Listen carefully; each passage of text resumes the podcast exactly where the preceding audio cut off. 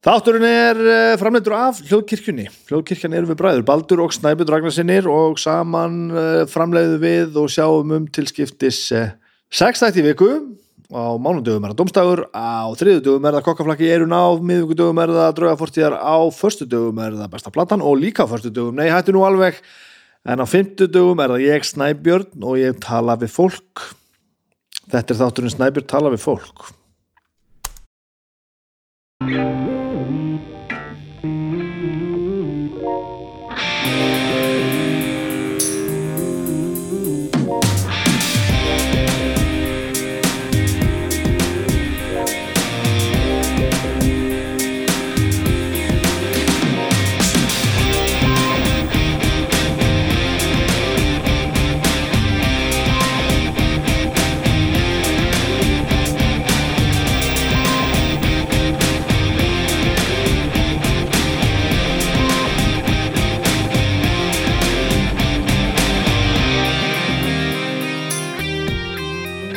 Velkomin í þáttu minn Snæbjörn talaði fólk, ég er Snæbjörn sjálfur. Og ég sitt hérna við aldur spórið mitt eins og sem oftar. E, Frétta, hvað er að frétta? Það er búið að vera svolítið vinna og pipar, skemmtilegt, svolítið ekki að það sé ekki alltaf vinna, það búið að vera nú að gera en á þess ég ætla nú að fara í einhver, einhver dítela sem ég ætla nú bara alls ekki að gera mitt þá var svona pínu törd sem útefntið að vinna pínu framettir og svona svona eitt stort verkefni sem tók yfir hansi margt, það er alltaf einhver stemningu það þegar maður er á ölsikastofunni að reyna að vera sniður heldur en allir hinnir einhvern veginn, bara að leysa einhver verkefni sem að mjög aðkalljandi og stór verkefni og þetta var einmitt svo leiðis svolítið svona eins og í sjómanstáttunum ölsingastofu stemning sko. það, það, mér finnst það gaman þó að daglega lífi síðan alltaf svo leiðis, þá er þetta þessi stemning er, það er eitthvað það er eitthvað mjög magna við það sko.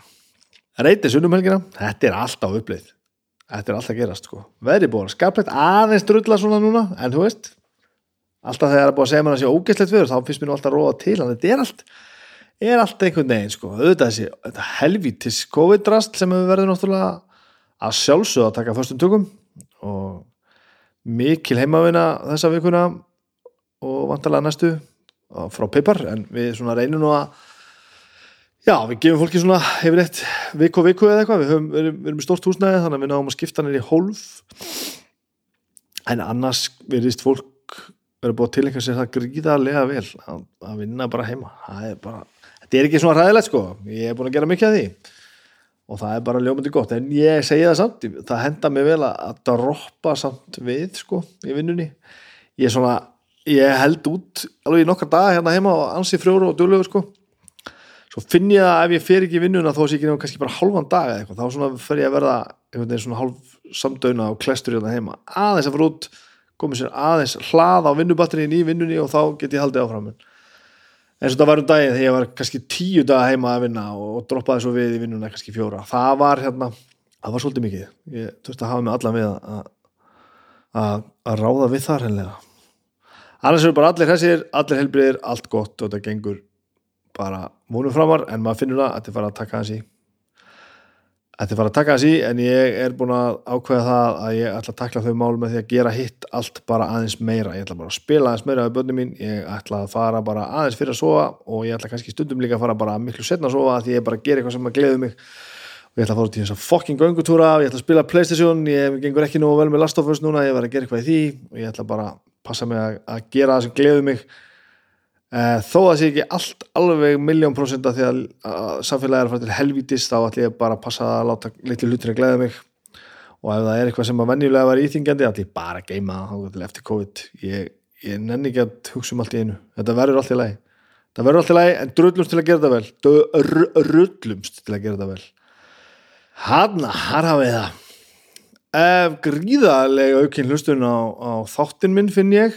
Uh, og einn eitt sem fylgir því eru alls konar skilabóð sem ég er mjög glæðar að fá og reyna að svara sem öllum sem allra hraðast.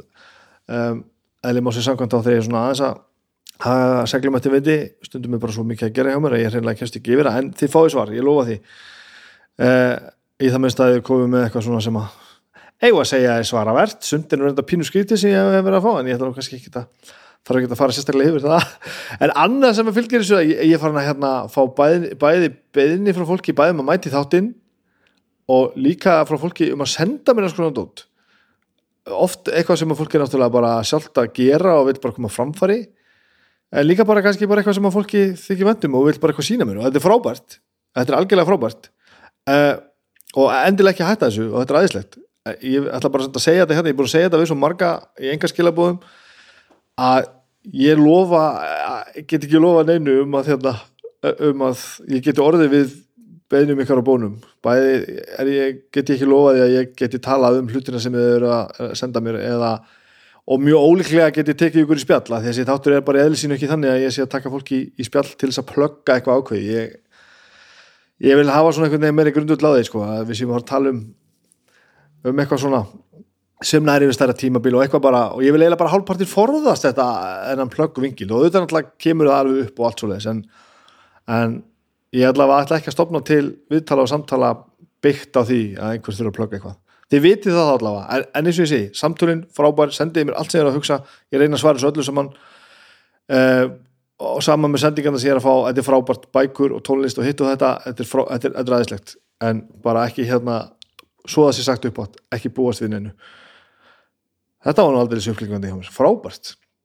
Samstarf heldur á, áfram við Reykjavík Rósters eh, ég hugsa að það sem að fer hér á eftir er ætti nú sennilega heita auglýsing eh, því takkið þessu sem þið viljið því það sko, eftir fyrsta þáttinn þá, þá fikk ég símtal frá Reykjavík Rósters og svona ána með þetta.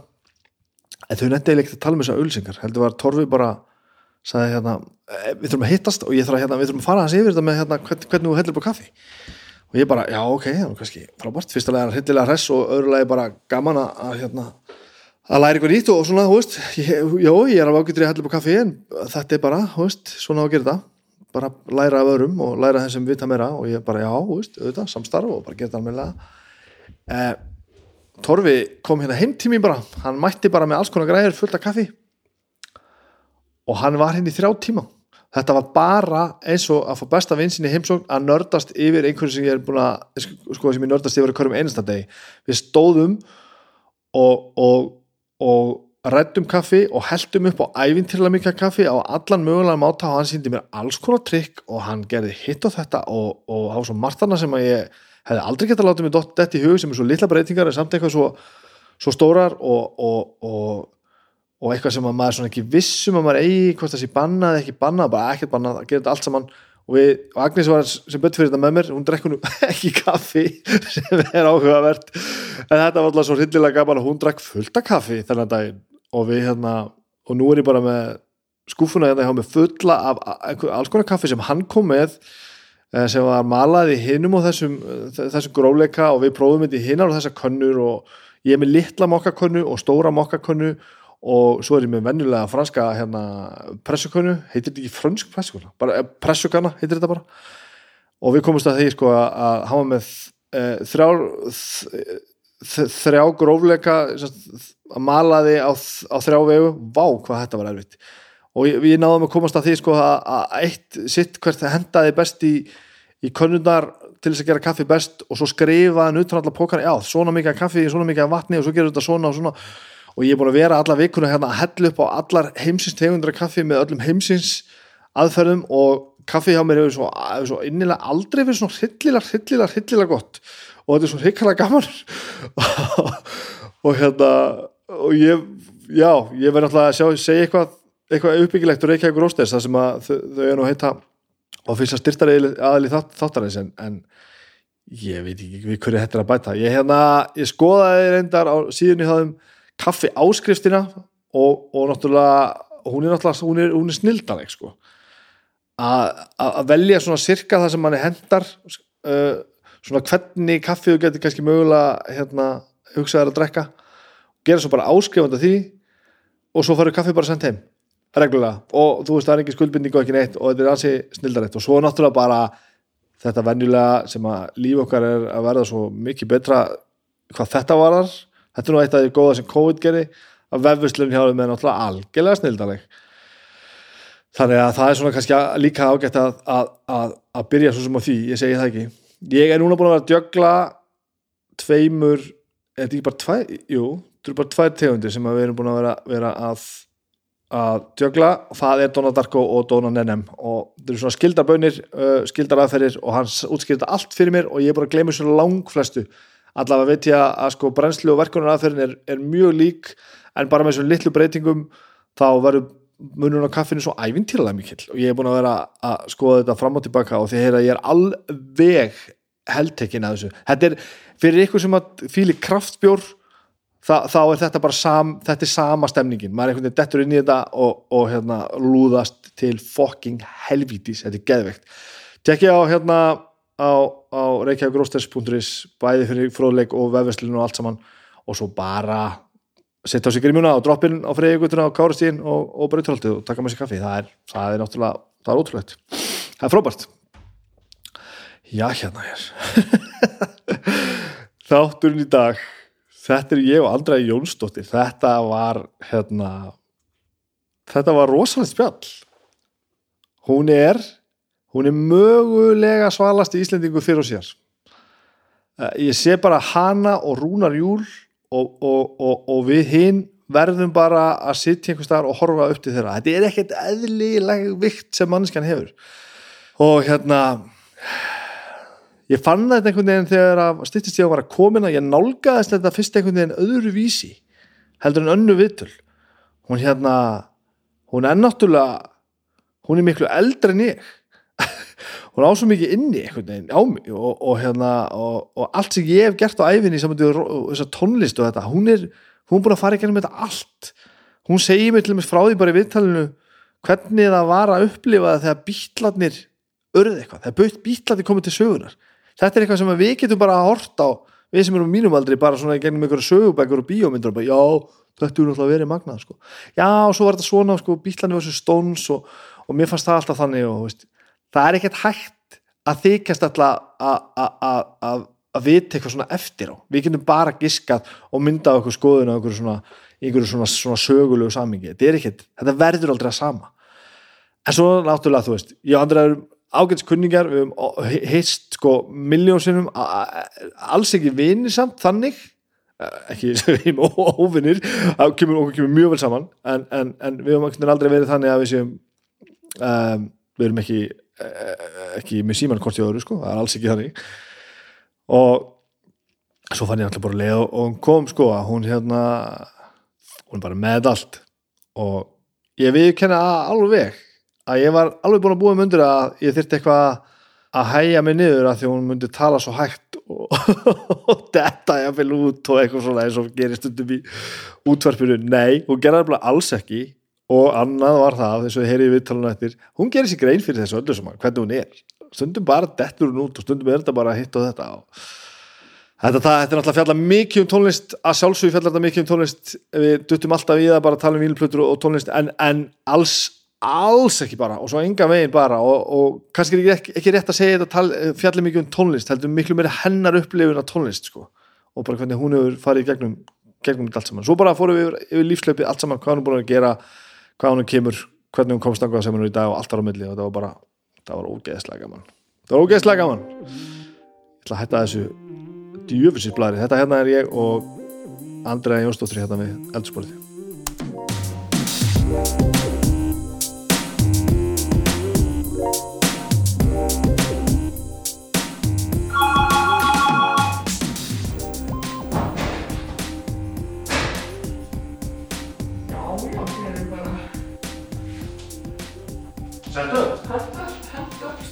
Já, þetta er Þetta er Þetta er allt orðið svo auðvilt nú til dag.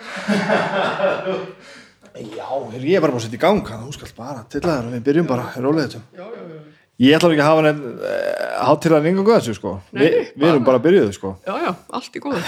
Ha, ég fæ mér bara kaffi. Já, fáðu kaffi, er kaffi til og vatn og svona. Já, já, allt til alveg best, sko. Hérna, hvað hva skildi maður alltaf að byrja á þessu sko Við þurfum að fara yfir ansi margt sko Já, já, þú bara ræður ég, hérna, ég er bara að svara. Hérna, Heyrðu, já, það þarf ekki að gera þetta. ja, það líka samt það, er svo illa að mér. já, Ég, ger það bara eru, svona það smá, eru örvar þarna sem að svo helli ég Já. eins og örin sýnir. eins og örin sýnir Já, akkurat. eins og örin sýnir Já, alltaf að fylgja leiðbeiningum. ég hef það, mér langar að vita líka kannski bara frá, svolítið frá upphafi sko, bara hva, hvað hún kemur og Ég er fætt á Selfossi. Ég ætla að byrja um að, að lista þessu hérna aðeins Já, svo- aðeins svona, já. Ég ætla nú ekki, ekki að kenna þér að tala í mikrofón en, Já, en, nei, en ekki, en maður veit samt, þeir eru misjafnir líka. já, já, bróður minn segir að maður er að gera þetta svona af þessa hér Já, já, Þannig já, ég er svona akkúrat, fer milli já. veginn og hef þetta bara Svona Nálægt, já, en allavega veist nálagt og, Já. maður vill akkurat, akkurat. já, þú ert, þú ert ég, ég, Fætt það sko. uh, og maður tengir þú samt ekkit eitthvað endilega ekkit við Nei, Selfoss ég er náttúrulega búin að vera miklu lengur Reykjavík heldur en nokkur sinni Selfossi. Ég fór í, ég fætt 1949, þannig að ég fór í MR, hvað, 1965 líklega, já. já, Og en í, á Selfossi fram að því eða? já, bjóð þar þá sko, vann þar mjög fínt að fá vinnu á sumurinn sko, þegar maður var í skóla. Í kaupfélaginu og í mjölkurbúinu og póstusinu og þannig eitthvað að svona. öll æskan og unglísárin eru þannig sagt Já, Já, ég er bara fætt þar og er þar og ég er fætt mér að segja þarna, já, ég fætt í húsinu sem heitir Kaffi Krús núna. Afi minn og amma byggðu það hús, fluttu frá Eirabakka og þetta hús er líklega, var flutt líklega í það svo 1929 eða 30, ég mann það ekki alveg nákvæmlega sko. já, já. Þannig að, hm. og en, þú byrjar með fóruðriðinu með já, ég, já, já, Já, sko, bara- afi og amma voru niðri og við vorum á efri hæðinu. þetta fyrir svo var svona kjallari og, og, og reis svona bara undir drasl og dót svona og, hvernig, hvernig er fjölskyldu hægir, sískinni og, og svo leiðis ég á ég á einn bróður sem er tölvert eldri en ég. Uh, og svo ég tvær systur, ég er í miðjunni af systrunum, akkurat þær, þær eru þre, þrem árum eldri og þrem yngri. Og bara fjögur allsískinni mamman og pappin og amman og aðra neða það er hálbróðir sko, Já, ok. sá elsti. En það skiptir ekki máli, hann var þarna líka. En sem sagt eh, fjölskyldu lífið var amman og afi Já. niðri, mamman og pappi með krakkara já, uppi, uppi já, já, algjörlega sko já. og hvernig þá eh, hvernig, hvernig var þetta? Var, var, borðuðu allir saman og Já, og svo meira að segja þegar afi og, afi og amma voru orðin gömul þá bara komu þau og borðuðu uppi. Og einhvern veginn móðu mín, þetta lag kvildi alltaf á henni. Og hún var meira að segja að vinna úti líka sko alltaf á sumrin sko. Já, ok. En það hún var svo duglega hérna mesta, snirtimanni sem, snirtimenni sem ég hef kynst á æfinni sko. Mamma, Já, en hún var samt ekki að amast við öðrum sko, hún bara var svo fljót. Ég sé alltaf sko móðir mín var svona eins og Mary Poppins sko, þú veist bara smelti fingurum og það fór allt í lag sko. Já, já, já. Já, erður þetta frá henni? Nei, því miður. Bróði minn Já. hann er svona. Og systur mínar eru eiginlega báðar en kannski ekki alveg eins og mamma en svona mjög náð því ég er með strand. Ég, eins og við köllum það stundum ég er með litla fjarðarhots eða fjarðarhotsletina sem þýðir svona, já en fólk er ekkert mjög mikið að æsa sig Hva- yfir svona hvað- reiki og svona hvað fjardarhóttni? það er, heitir Litla fjörðarhorn og það er í strandasíslu þarna rétt hjá Holmavík ok, já þess að pappi minn er fættur þar. Já, ok, þú já, ég skil. Já þannig að hérna fylgdi, það hans fólki já. já en hann, hann var ekkit ósnýrtilegur en það mamma hefur nú örglega líka hérna, svona, hjálpa til en svona ég, er, ég veit alveg hvernig allt á að vera en ég er svo lengi að gera allt þannig að hérna, ég er bara ég næ aldrei að ég, ég næ aldrei að geta eld að taka til það sem aflega, aflega fyrr. Hérna, ég er svolítið eins og þú sko. Já, er það ekki? Jú, og svo Já. skánar heldur ekki að kona mín er þessi Mary Poppins típa sko. Já, akkurat, já, það er rosa fínt hérna. Já, það er ekki mér að þakka, það get ég alveg sagt ég reyni sko, ég, og ég reyni að gera mitt allra, allra besta sko, en, en það er eitthvað, þú Já, en ef ég, kem, já, ef ég kem ykkur annar stað þá gengi mjög vel um og allt svoleið sko. en Já. einhvern veginn það bara ég er svolítið svona sko, í óreiðunni þá veit ég ekki alveg hvar ég á að byrja. Nei, þú, þú, getur verið að lýsa sálar ástandi mínu bara, í kjarnan sko. já, akkurat já. og, og svo labba ég fram og tilbaka er að gera svona fjóra hluti í einu en samt ekki neitt. Já, ég er svolítið mikið þar. en, en, svona, en sko ég áða alveg í mér að vera svona skipulögð en hérna það er á öðrum sviðum einhvern veginn, ég er ekki svona stór tiltektar manniske Hvaða sviðum það? sortira Já, já, já, já, já, ég er mjög vinsæl til dæmis eða var áður fyrr sko, ég neitt er löngu hægt að nenn að farið í einhver eftirparti en hérna þá er ég mjög vinsæl sko, ég kem bara og ég er DJ-in í partíinu og ég líka laga til í blöðsamn set allt á sinn stað og bara Fyrst við erum nú komin í þessa spurningu sko. Hvernig sóstir maður plötsam? Ertu búin að komast að þessu? Já. Svarið við þessari eilega spurningu Já, sko það er náttúrulega til margar aðferðir en mér finnst bara einfaldast að sortera eftir nöfnum og ég er mjög íslensk ég, til dæmis Erik Clapton, hann er í E hann er ekki í C Þannig er að svara stóri spurningu Já, ég bara geri það ég, þetta mm, já, ég og ég, ok, ég er með íslenska sér og svo útlenda sér en alveg í stárúsöð ég sortir það þannig. Og svo eru svona sapplötu sér. En einstaka sinnum ef mér finnst sapplata tilheyra einhverjum einstaklingi það er kannski á sapplötu er stundum einhvert lag sem er hvergi á stórri plötu já, já, já. þá hef ég það stundum hjá hérna viðkomandi af því að það er bara kannski eitthvað drasla á saplutinni nema veist, það er þarna einhver eitt sem, já, ég fíla Þannig er þetta satt að lýsa sko, því sem við öll, ég ætla að hafa til dæra stutt sér en ég fór hérna, bara umgang hérna í plötunar Já. hérna, hérna nýri já, og um leiðum að ég komið með svona eina svona sérreglu eins og þetta þá Mhm. þarf maður að fara að munna sko. Já, já, maður þarf að gera það. Og enda sest ég stundum. Hvar sett ég þetta nú? Þannig að maður er með rosalegt kerfi og svo er mitt þekki þetta svo vel sko, Já, bara þessi til, þessi tilfinninga bara þessi ætti nú eiginlega að vera hér sko. Já, og þá er strax búin að setja eitthvað svona á einhver stað sem að verður bara hvað er þessi plata? Hún er þarna af því að eitthvað sem mér fannst. eitthvað, en þetta með hérna, fornöfnum og eftiröfnum er mjög, mikilvægt. Ég nefnilega Mhm. síðast í sónstæðar þá var ég að hugsa bara á ég að hætta þessu eftirnefna kjaftaði? Já.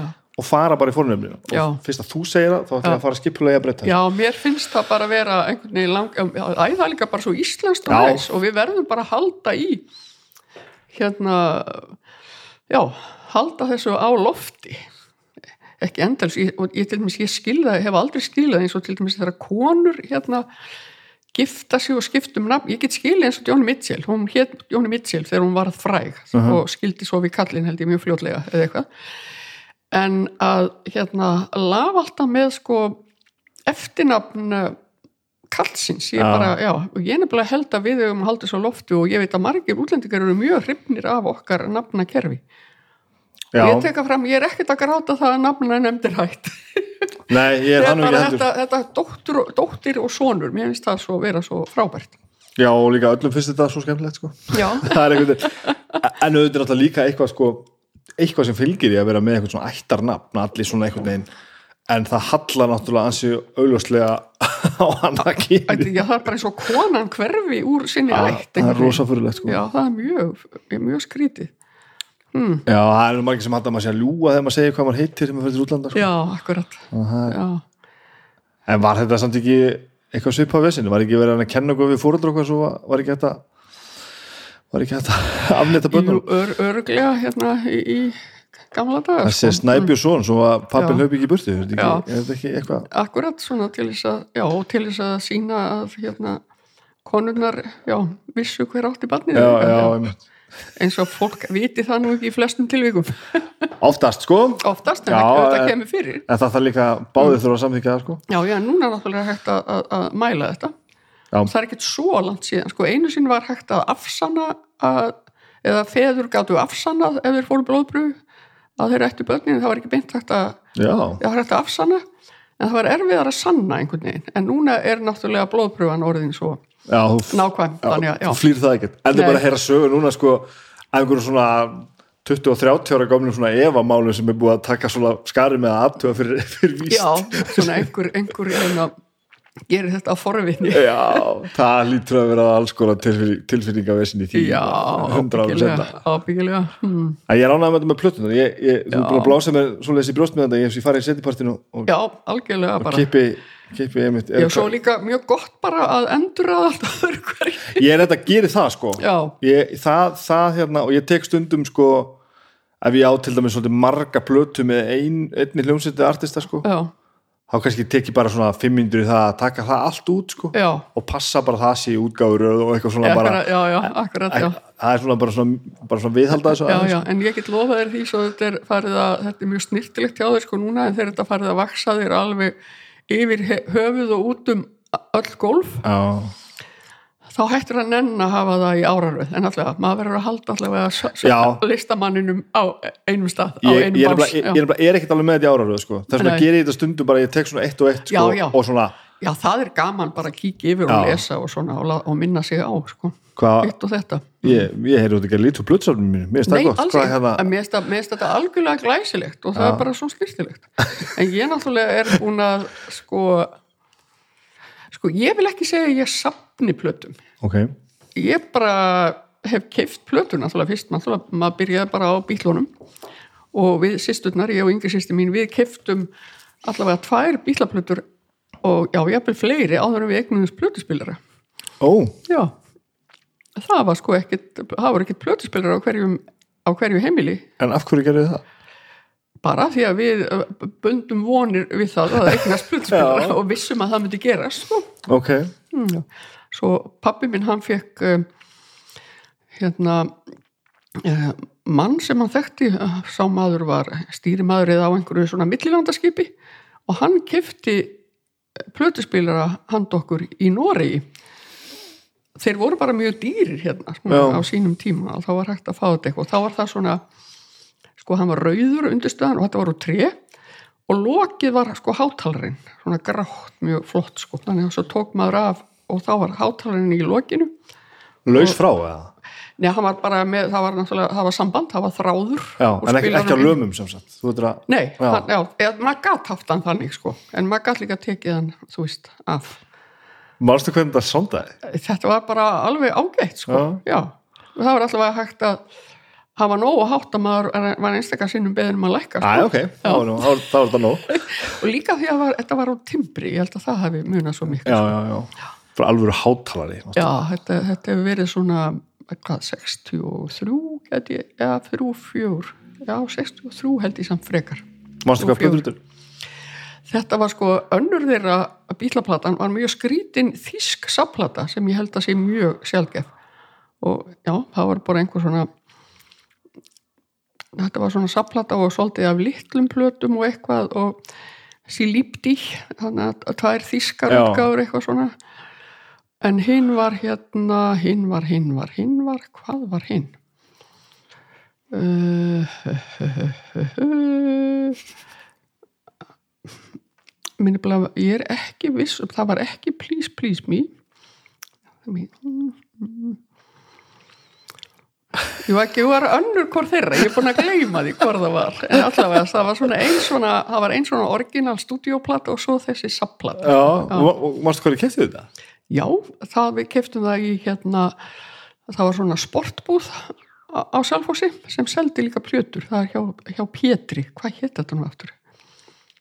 Ég er búin að gleymi bíli hvað hérna að, að búðin heitir, hún er sko hægt að vera til. Já. já. Fyndi ég að þetta, svona platt hafi rætt þangað þessu þessi físka Já, þeir alveg, já, það var mjög spes sko og uh, ég man nú ekkit alveg ég er að pæli hvort að það hafi verið pólídor eða eitthvað, ég veit það ekki alveg. Það var til dæmis, Já. það var eitt mjög fyndið. Hérna ég kefti tværblötu, það var búð sem hétt hverfitónar sem var á móti þjóðleikúsinu þannig við hverfiskötuna ok, og, eða svona sirka, svona skáhald á móti kannski aðeins neðar, hinum einn vikuðuna, já.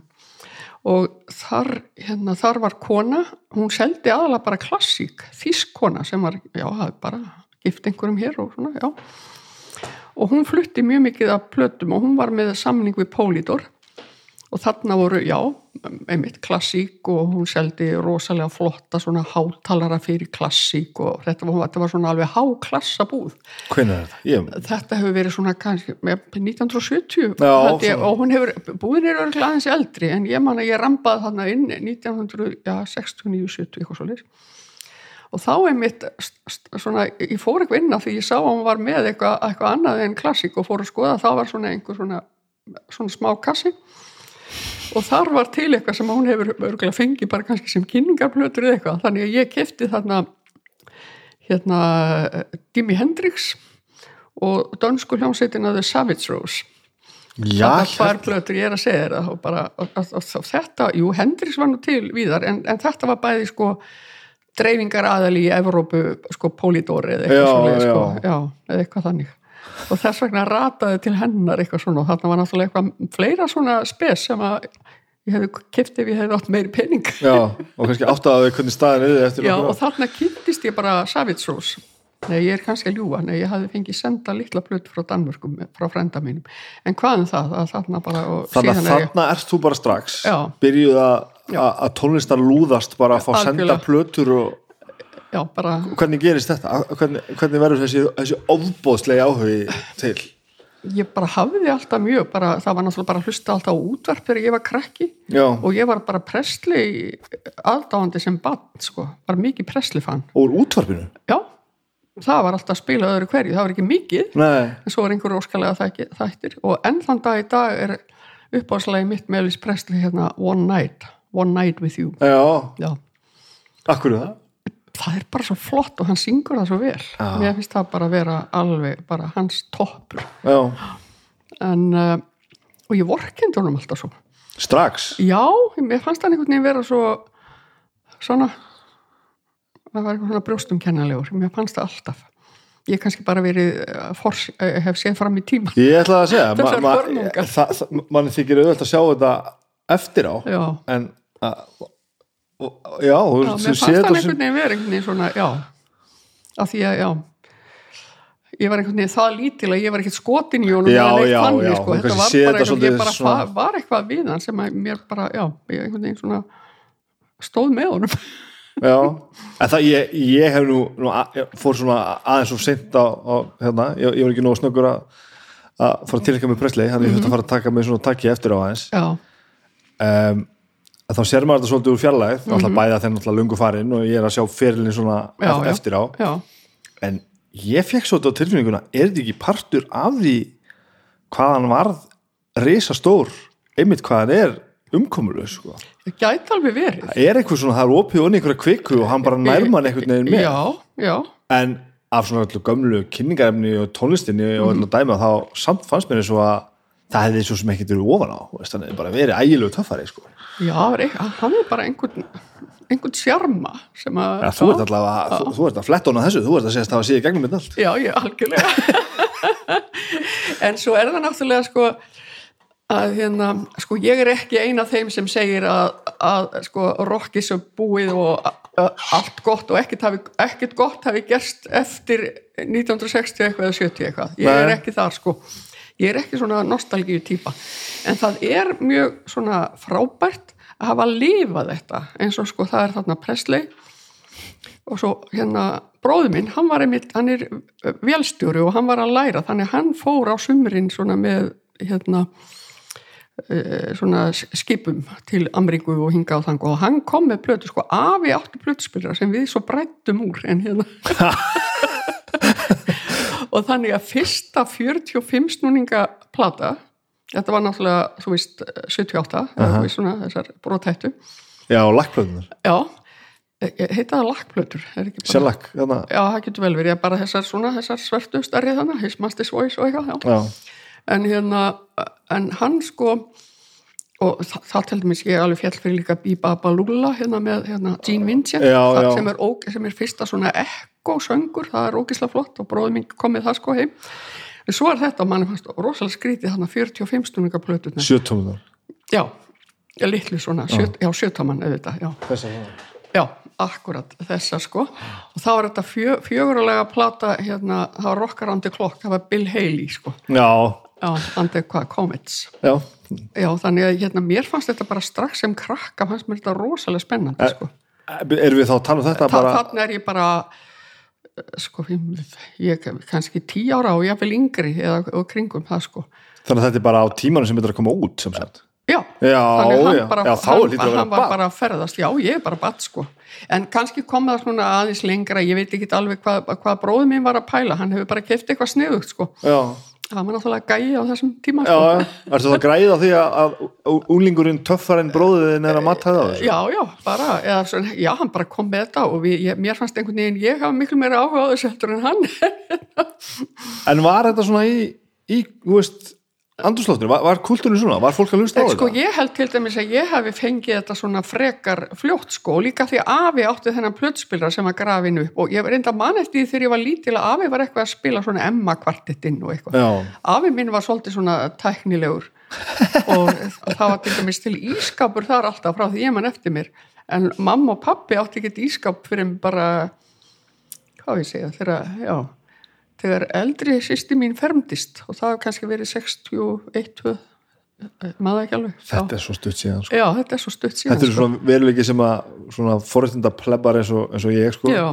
bara, maður hugsaði ekki út í sko. Já, sko að því að þarna var ekki komin svona, það var náttúrulega ekki komin svona fjöldaframleðsla á heimilistækjum Nei. þannig að þetta var bara mjög dýrt til að byrja með, ég tala nú ekki um sko flutt frá Amríku eða eitthvað svona sko, þannig að það var bara svona á, svona, já á betur stæðum heimilum. Já, en það fólk átti þá bara að þá bara legðiru hérna uh, sko hafa náttúrulega haustinn var alltaf tekið slátur og það voru keiftur uh, skorokkur eða skorokkar eða eitthvað svona.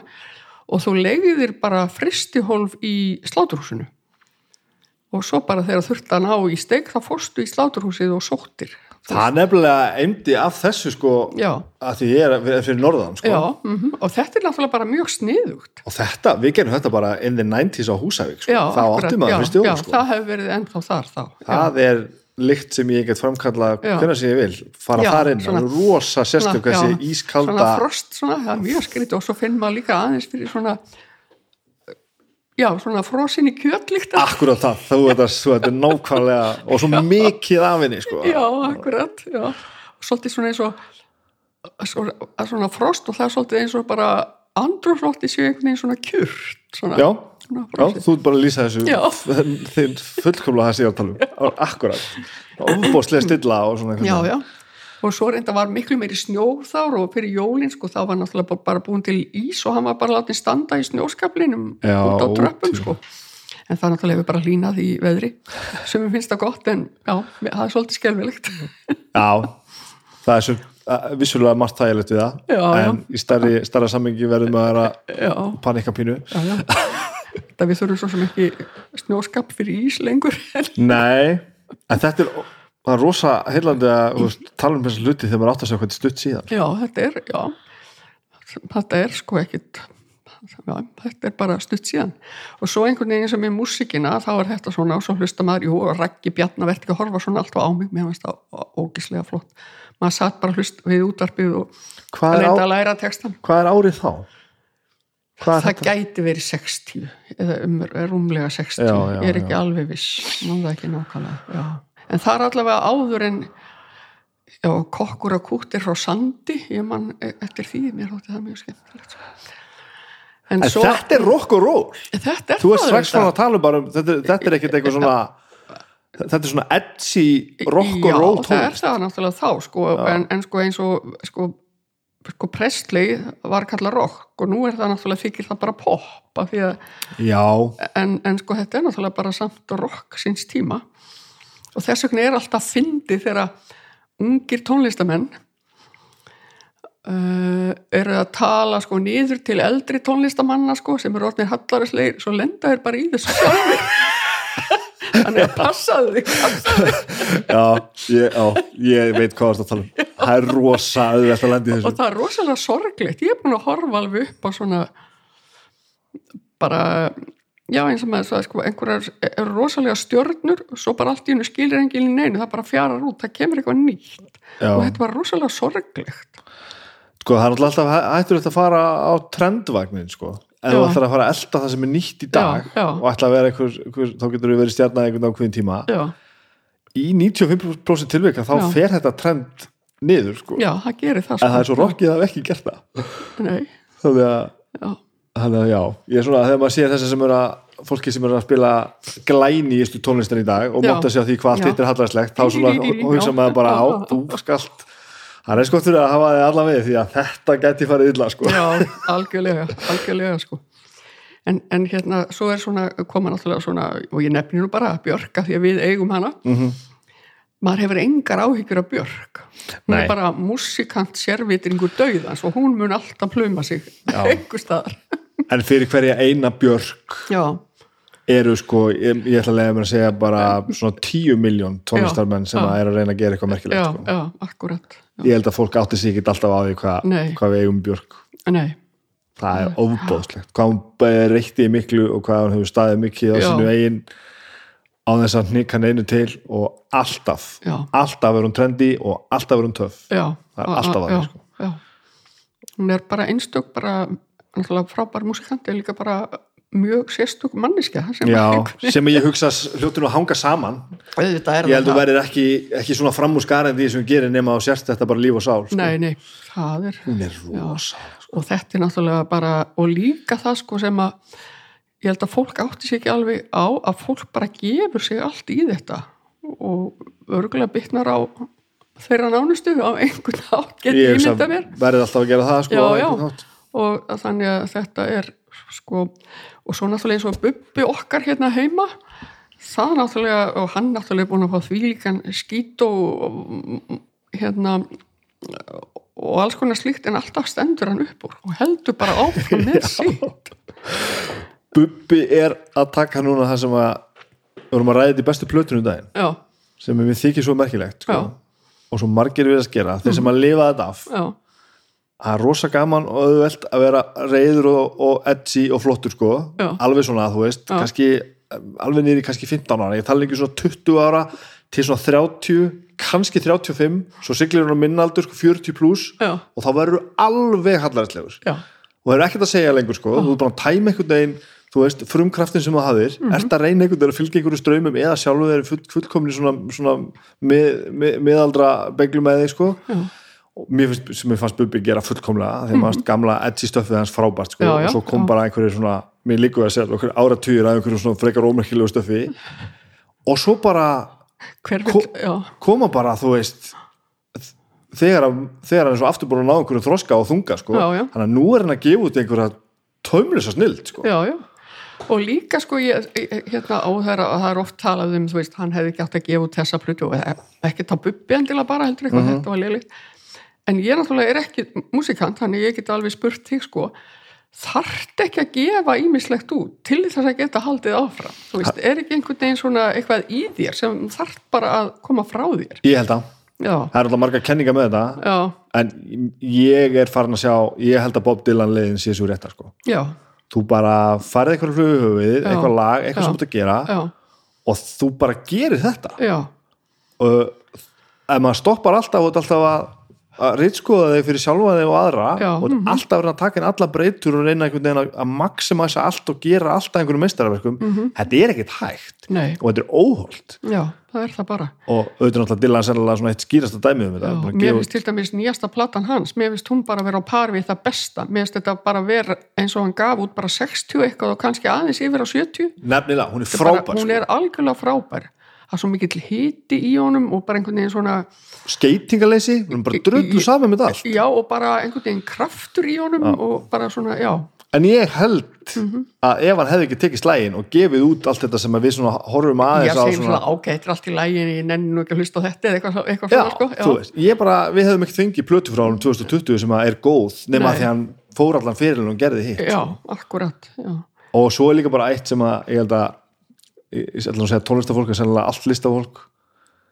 Áhættu og margir hafa dreipið sér á. Það er að hugsa einmitt svona sko.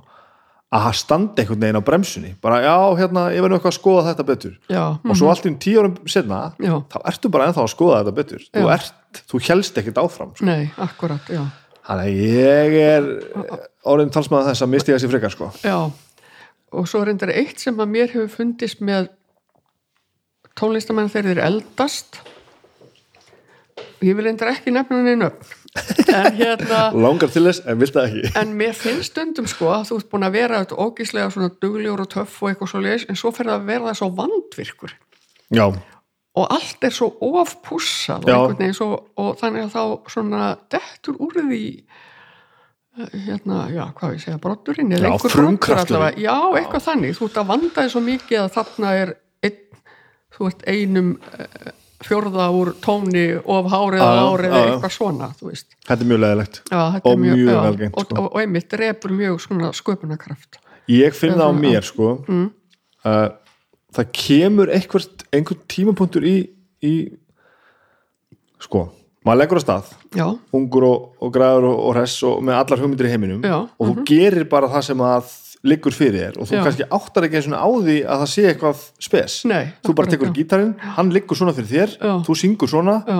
Semur eitthvað lag með fullta áhrifum og ert kannski að reyna pínu að stæla þennan og pínu að stæla þennan já, en hugsar ekkert meira út í það. Og svo kemur þetta bara út og þú bara semur lögin og svo kannski dugar það í eina plötu og aðra plötu og kannski þrár og kannski fjórar. Já, en þá kemur alltaf þessi punktur sko. Þar sem þú svona einhvern veginn þroskast aðeins fyrir að sjá bæði þitt stöf og annara og svona einhvern veginn bara svona já, byrju, þetta er það sem ég er búin að vera að gera hvað ætla ég nú að fara að gera næst Já. og þá fyrir þeim einhvern veginn svona reyna að gera hlutina betur en síðast Já. og þetta betur er ekkert alltaf betur þá Nei, gerir svo ofta sem þú ert að segja þetta er já, svona er eitthvað svo kurtislegt Já, reyna og svona eitthvað að passa sig á að þetta verði örgulega hárrétt sko, Já, og allt þetta. og svolítið, já. þá finnst mér eins og allt degi sko. já, það, er það svona það er, já, það er sorglegt sumir komast aldrei út úr þessu en sumir geta átt svona bara skeið já.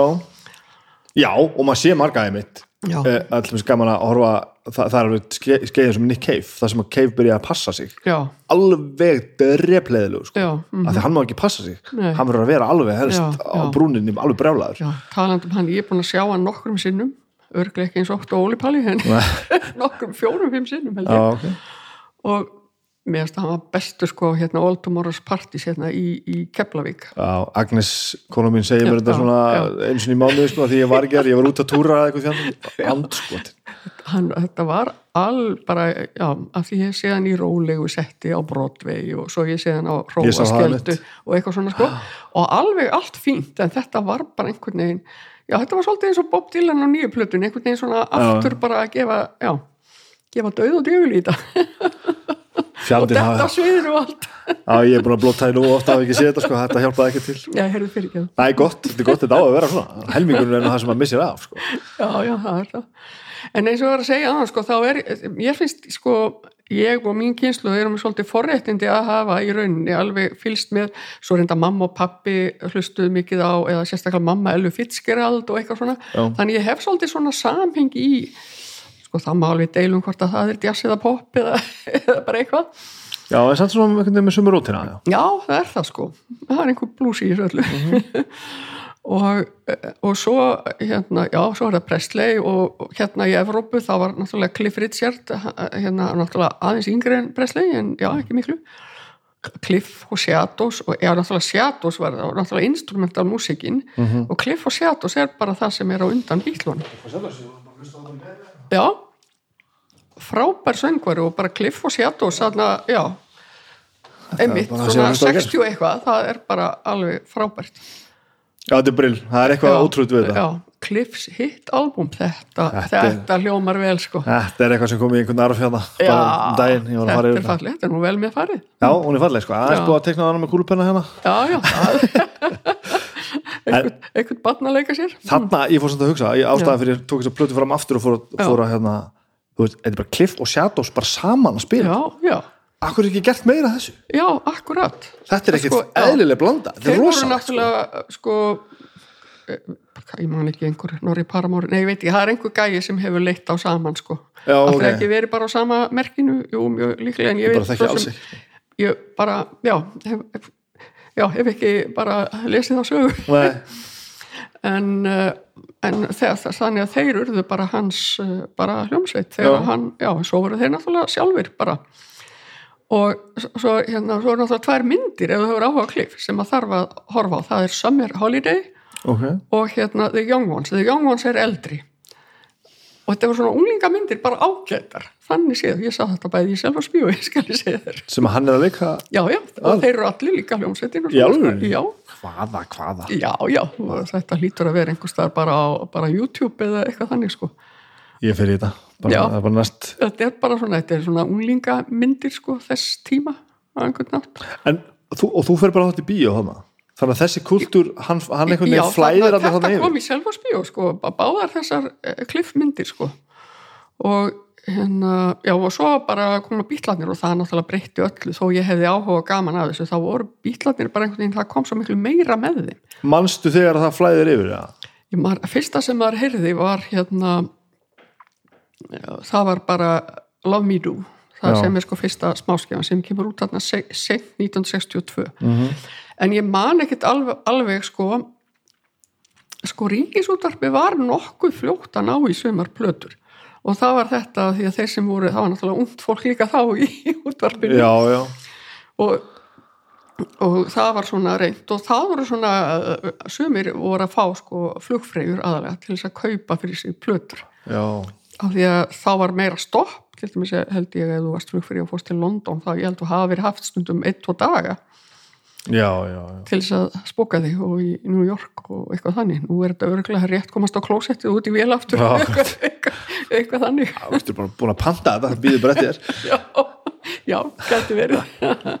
En það er náttúrulega allt orðið auðveldara núna í gegnum svona streymisveitur. En það er þannig að þú ert byrjuð að hlusta á, á, svo, á þessar tegundu tólist já, bara þegar ég er badd sko. Ég- og þannig já. að þú, þú sérða þegar að bítlarnir já, bara allt í hennu koma bara eitthvað bítla sko og þá var, maður alltaf svo vanu þetta var svo mikið hérna einmitt svona instrumental músík og hérna og náttúrulega líka a- amerísk bönd þar sko og uh, svona, já þeir eru kallað svona surf gítar Já, já, svona eitthvað. Og bara svo komum bílanir og það bara og það var bara algjör sprengja því að þeir voru einhvern veginn mjög ólíkir öllu öðru. Ef þetta sjóða þeir svona sitt saman úr Everly Brothers og eitthvað og, og jafnvel Shadows og einhverju svona. Þannig að e, og það er svona ég segi ótt við fólk sko, það eru margir sem bara þól ekki bílana segja þetta sé ofmennast að hljómsett í heimi. Þá segi hefur eitthvað hlustað á plötum þeirra í röð? Þá er að segja allir nei, þú veist. Já. Af því að þetta er bara að fylgjast með hvernig þeir þróast að bara frá please, please me with the Beatles og bara, þú veist, áfram. Og svo náttúrulega koma þarna eins og, já, við tala nú um bara já, Hardest Night og Help og, og, og Rubber Soul, þetta er einhvern veginn svona maður bara heyrir sko framfariðnar bara á milli ég strax bara revolver og því öllu saman já, sko, a, a, já, bara og svo náttúrulega kemur það og bara, þannig Já, að bara verður þetta er einhver- ekki langur ferill, ekki þannig. En það er með málið, það sé Mm. ástæðan sé fyrir ég segi strax sko, þú veist, hvað líður langur tími sko. já, þetta er lígilegt hvað er búið að gerast. Já, sko fyrsta, já, fyrsta litla platan 62, svo koma, það koma náttúrulega tvær á árið þannig fyrst Já, já. en þetta er í rauninni bara sjö hvað segir maður, já, átta ára kannski plötuferill það er svo æfintýralegt og bara framfarirnar og allt það sko en líka bara þeir þeir hafa náttúrulega bara haft rosalega háan standard og voru bara, þeir voru orðni professional, þeir eru urðu frægir. Já, já, þannig að hérna búin að spila þarna í- alveg búin að jaskast í Þýskalandi. Já, já, algjörlega. En það er náttúrulega eitthvað þetta er náttúrulega eitthvað rosalega sem gerist sko. já, það er það.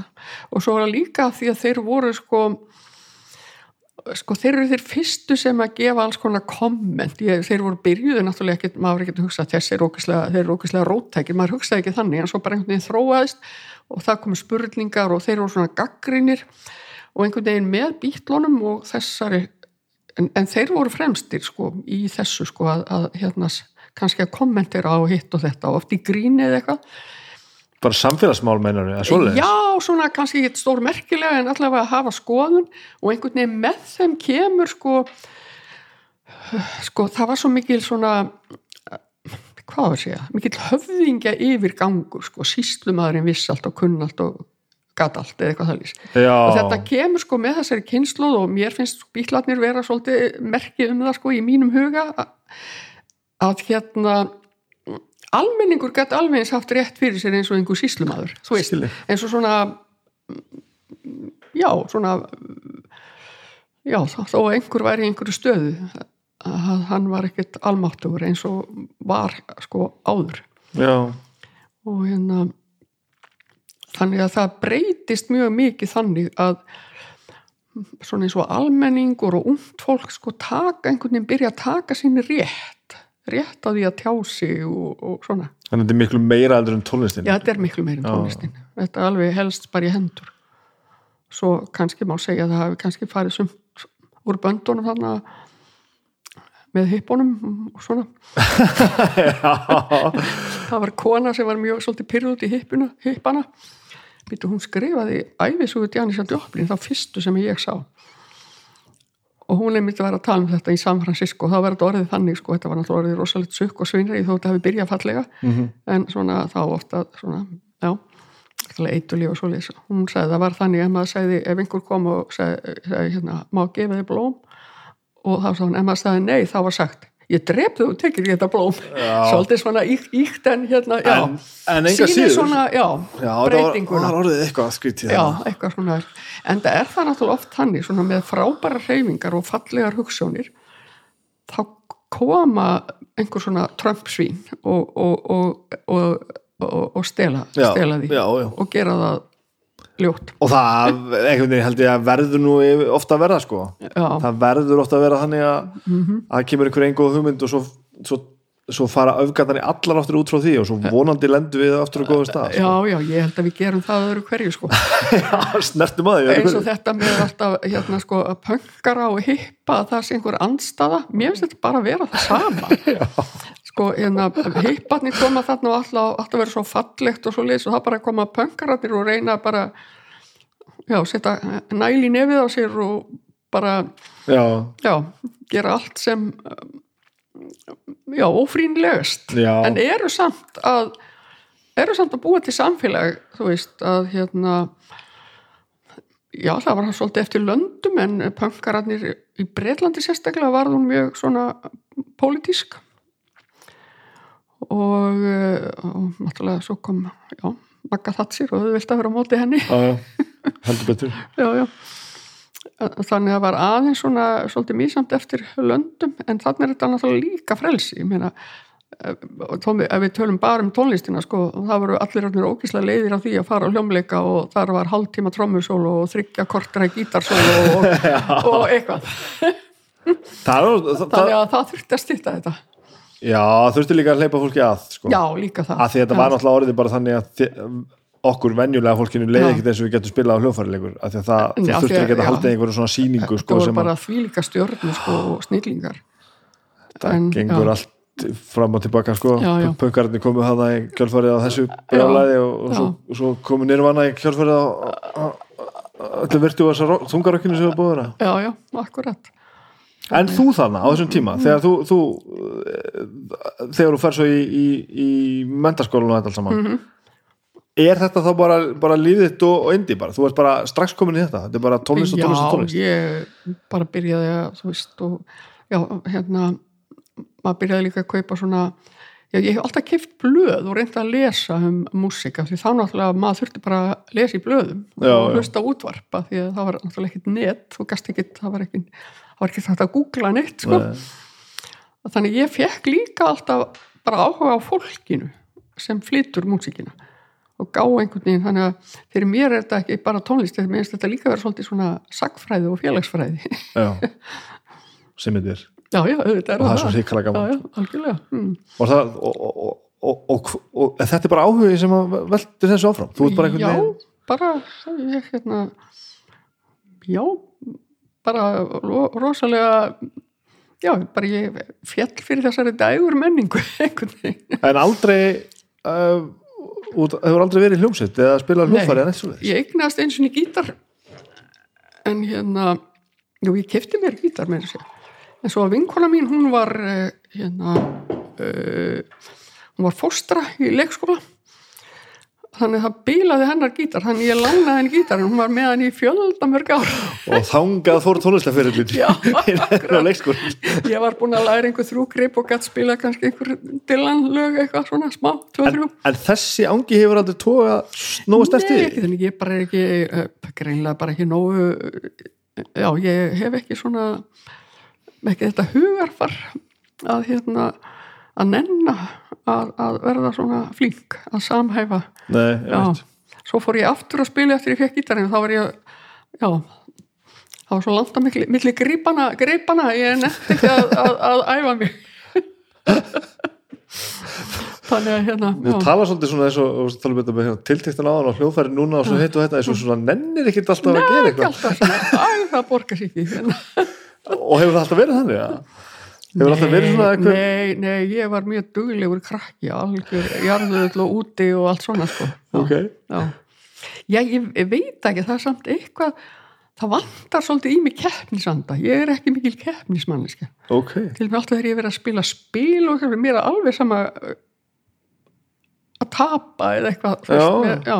En mér finnst alveg gaman að spila. Mér finnst það alveg hérna já. nýtur þess að gera þetta? Já, mér finnst alveg skemmtilegt en bara, já, einhvern veginn svona já, og til og með ég æfið sund líka keft í sundi. Það er mjög stuttur ferill reyndar. Þrjú ára eitthvað þannig 11 til, já 14, 15 Já. og hérna ég var ekki nógu mikil keppnismanniska ég var samt svona ágætt ég var ekkert alveg frábær en alveg ágætt sko. en nefndi samt alveg að mæta og allt svo já, já, já, það er já, ekki það? algjörlega sko. já, já, já, alveg bara. Það hafa líka þetta var á selfossi sko. Já, og það er mjög stutt að fara í sundlugina en þú ert með, þú veist þetta er þá eitthvað svona, þú ert með eitthvað svona jafnaður og langlund að geða þá, svona almennt? Já, ég er, hef það. Hvað er það sem að gera því brjála er, þetta alltaf stabíla ég er mjög sko geðgóð og stundum sko en og ég á það til að láta ganga eitthvað langt og þá get ég orðið alveg brjálu, ég er búin að segja, nei hættu nú bara eitthvað svona, það til með svona eins og maður hefur verið að dýti að stundum. Og flest, go- fólk er alveg frábært en einstakar sinnum, það er einn og einn sem er kannski á drukkin og bara og er alltaf nöldrandi í því sama og kemur svona og potar í mann og eitthvað svona. Og þá, hérna, hef ég einstakar sinnum gert það sem er gert grínað á dillun sko. Ég, ég sparka ekki fólk, ég set fótinn í það íti því frá með fætum að ég set svona uppi í kjör aðstæðu já, akkurat. Og ég, jú, ég hef gefið kynhest ég hef verið að viðkenna það. Ok, á, ég get orðið svona snöggreið Já. en ég er, eða þó ég segi sjálf frá þá er ég geðgóð og það er þá aðdragandi að því Já, að fólk er bara en svo, pyrraði já, en svo get ég reyndar orðið ef að fólk einhvern veginn gerir eitthvað sem mér finnst á minn hluti eða einhver sem ég þekki þá get ég verið mjög langrækin. Ó, og ég kannski tala við fólk svona en bara já, áhugavert. Já. Og, og það er alveg þannig að það, það, í það fólk verður bara já, á þarna í gluggakistinni og það er ekkert sens á því að, að rétta sér hlut Nei, ég er alveg kurtis við allt svoleiðis Og lætur það- ekkert vita það Já, en það fyrir við eftir því, þú veist en svona, það er mjög sjaldan gerst en það hefur gerst. Já, en ég er svo sem jafna mig á því og alveg þannig en svona, já. En ég er, ég er langrækin ef að, ef að út í það fer sko. Ég hérna uh, mér er alltaf fundist mikið því að koma sko. Uh, ég hérna ég, ég, ég, ég velti því samt einhvern tíma fyrir mér einhvern tímabili eins og með plötudóma og svona. Mm -hmm. hvort að hvort þú væri stundum bara svolítið skoðanalus og stundum svona kannski bara uh, væri svolítið bara í því að hafa bara alla góða sko, já, já, ég hef oft hert þetta. Til dæmis frá Bubba Mortens. En hins vegar komst ég að því á eigi skinni Mhm. að það er ekki þannig sko. Ég man bara því að ég heyrði plötudómin já, og þá hugsaði ég bara djúvill er þetta gott. Djúvill, er gott að heyrða en er ekki bara skýt sama. Ljótu hálfvitandi gáð til hún plötu. Já, og þú varst bara, þetta var bara plötu, plata vikunur og já, og lag sem ég samdi, bæði lag og texta já, fjallaði á að mér fannst Já. mjög hnittin og skemmtilegan hátt já, um feita konu já, sem að ég var svo strefin af átti að vera hrifin af. Var hérna að tala vel um hana í læginu já, og textin er mjög hnittin og skemmtilegu sko, Já. Mhm. þannig og, og þú ert nú ágættur ég búið til texta. Já, já, ég get alveg gert það sko. Þú, og svo fóruðu upplötuna og þú og þetta lag er síðast og þetta er svona grand lag og svona frekar fúist og svona, svona mikill aðdraðendu uppbygging og svona fyndið sko. Já, eða þér fannst þetta bara umulegt já. Ég er Og svo- búin að gleyma þessu en ég man það örglega ef ég hlusta á þetta aftur. Og, og hérna hvað heitir það? það heiti Stóra Ástin.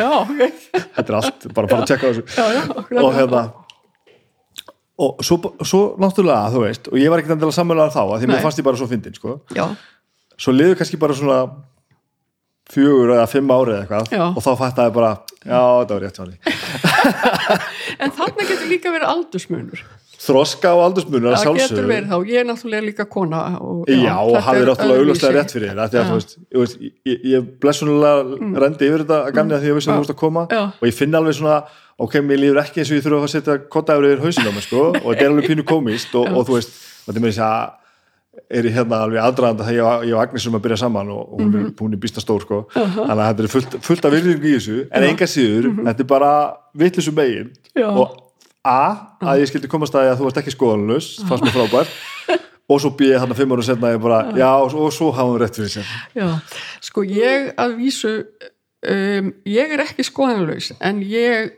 bara get ekki verið að tala fyrirgeðu mig þetta af af þú tókst það nærið þér en þó ekki fyrir Nei, ég tók þetta alls ekki nærri mér. Mér fannst þetta eiginlega- en hérna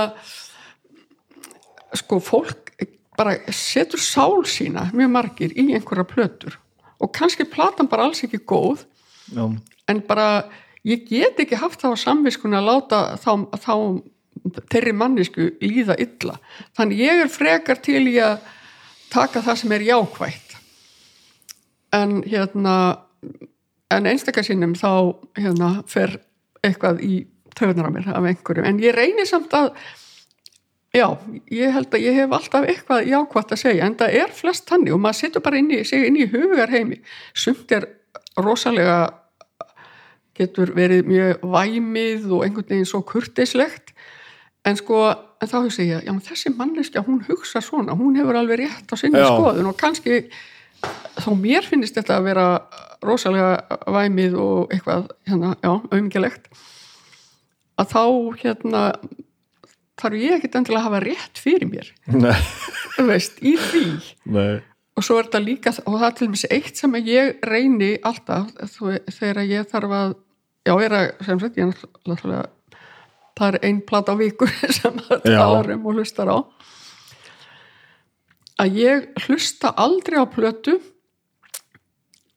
nefn ég sé bara róleg og hafi tíma til þess. Að vera að gera margt í einu og líka hlusta á plötuna það hefur svo já, þá einhvern veginn þá býr maður sér til þá einhvern veginn er maður að hlusta einhverja plötu en má eiginlega vera að því. Já, og þá einhvern veginn verður til einhvern svona pyrringssamband einhvern veginn. Já, þannig að ég oft bara, bara ákvað heyrðu, ég ætla að hlusta á hana á morgun þegar ég er búin að gera þetta og þetta og þetta og þá bara sest maður og hefur það hugulegt hvernig er ferillin eins og með þetta með það sem þetta gerum plötu vikunar Já. reynur þá að ná einu svona reynsli sem að það sem að hugsar Nei, helst, helst, helst mörgum sko. já, ég geri það og ég hlusta það er enda, sko, textagerð hefur lagast svo mikið í þessu landi Já. og örgulega öllum löndum ger ég ráð fyrir þannig að ég er svona næstum því hætt en ég er farin að sko ég gerði það, ég var bara farin að gera það að hlusta ekki, að lesa ekki textana fyrir ég var bara að hlusta bara á músíkina af því að stundum sko getur verið frábær músík og lög en bara textin eiginlegur eða Já. fyrir mér. Já, ég þannig, að- þannig að ég hef svona ég hef haft þá reglu yfirleitt sko að taka ekki, skoða ekki textana fyrir en svona já, já, fyrir en síðast. Áhugavert. en núna veit maður alveg að þú veist, eins og ljótu eitthvað standa alveg gerði undir að skoða já, það var eitthvað sem gerðist að við vorum heldur svo mikið að reyna að steipa okkur í einhver einhver móti á einhverjum erlendu fyrirmyndum sem gekk ekki upp fyrir tungumálið. Við Já. þurftum einhvern. Já, við þurftum einhvern aðdraganda og einhverja nokkar til að sína okkur að það væri hægt já, til þess að búa til texta sem að hljóma bara eðlilegir á íslensku. Já, mm en svo finnum maður líka sko ef maður að snara á milli tungumála já.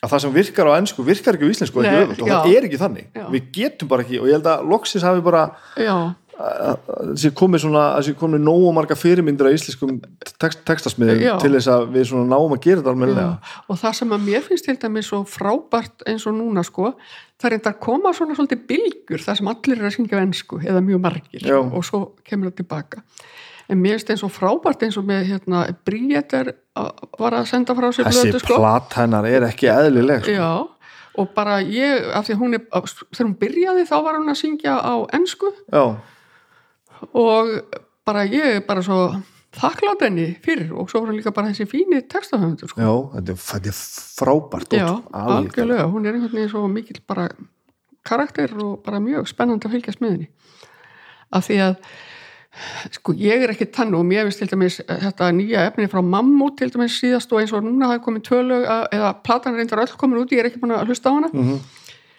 algjörlega frábært Já. sérstaklega fyrralagi, bara algjör snilt og það er á ensku, þannig að ég, ég skil það alveg fólk er að fara til útlanda og allt svo liðs og þetta má fólk prófa og allt svo liðs en sko íslenskan mun deyja út en við þurfum að halda í hana eins og eins lengi við getum Gerur það?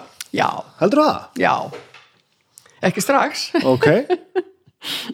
Og, og eða það mun, ef hún deyr hún, hún deyr bara ekki eitthvað við þetta en svona það mun breytast alls konar hérna, En hún er náttúrulega alltaf að breyta beigingar og allt þetta sko. Já, en ég minna, ef, þú- skoða texta bara 100 ára gamla texta, þá er hann allur í sinni í dag. Já, hann er ekkit betri ok, það eru til slæmir textar innanum en, en sumt svona og ég held líka bara að almenningur eða við höfum breysk og það var oft verið að gera grín eitthvað að, að efnið í textunum væri ómerkilegt en það er allt í lægi Já, já, eins og til dæmis hérna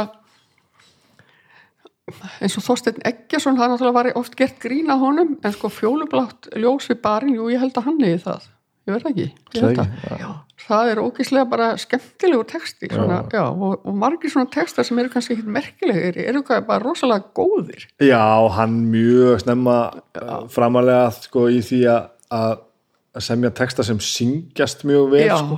orðin fara vel upp í já, það já, sko. Return to Sender Til- sandi til sko, dæmis það, já. sko. og hann nefnitt byrjaði mjög fljótt, fljótt bara, ég hugsa að hann sé fyrstur af öllum sem byrjaði á því að sko ekki þýða textan sko heldur einmitt að, að hljóðulíkingar Já. að það væri nummer eitt sko sem er náttúrulega pínu gimmick en þú veist já, það er en það það, sko fyrir já. vikið, það syngst oft það syngst vel sko. já, og þú veist stundum eru textar sem að les og, og þú veist einhvern veginn ná inn fyrir hjá manni ekkert endilega um neitt nei, það er, maður stendur svo bara staði ekki maður svona að rau- smellið já, svona, maður er að- svona, að já. raula einhverja eina, eitthvað eitt erindi fyrir og bara, Já. hvað er þetta? Þetta Já. er ekki neitt neitt, þetta er samt frábært sko. Algjörlega, já já, nú kannski líka þessum listin er sko, stundum Já. bara virkar eitthvað Já. en hvað, að því út að segja og sett hérna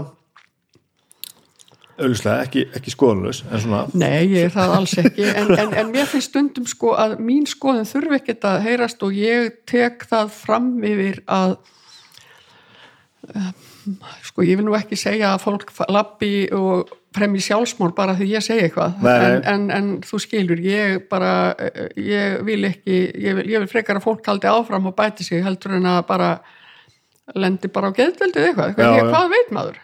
Já, það er nú bara þannig að, heldur betur og Já, ég veit alveg hvað það er að búa til tónlist og gefa hann út, mann er ekkert Já, sama sko. nei, nei.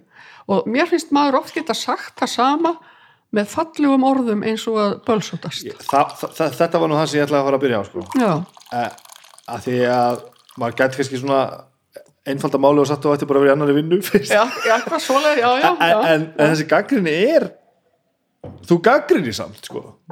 já, þú hefur einhvern veginn lægið á því að segja að eitthvað sé einhvern veginn, þó þú sett ekki að segja að þetta sé skítfokking lélegt. Nei, akkurat já.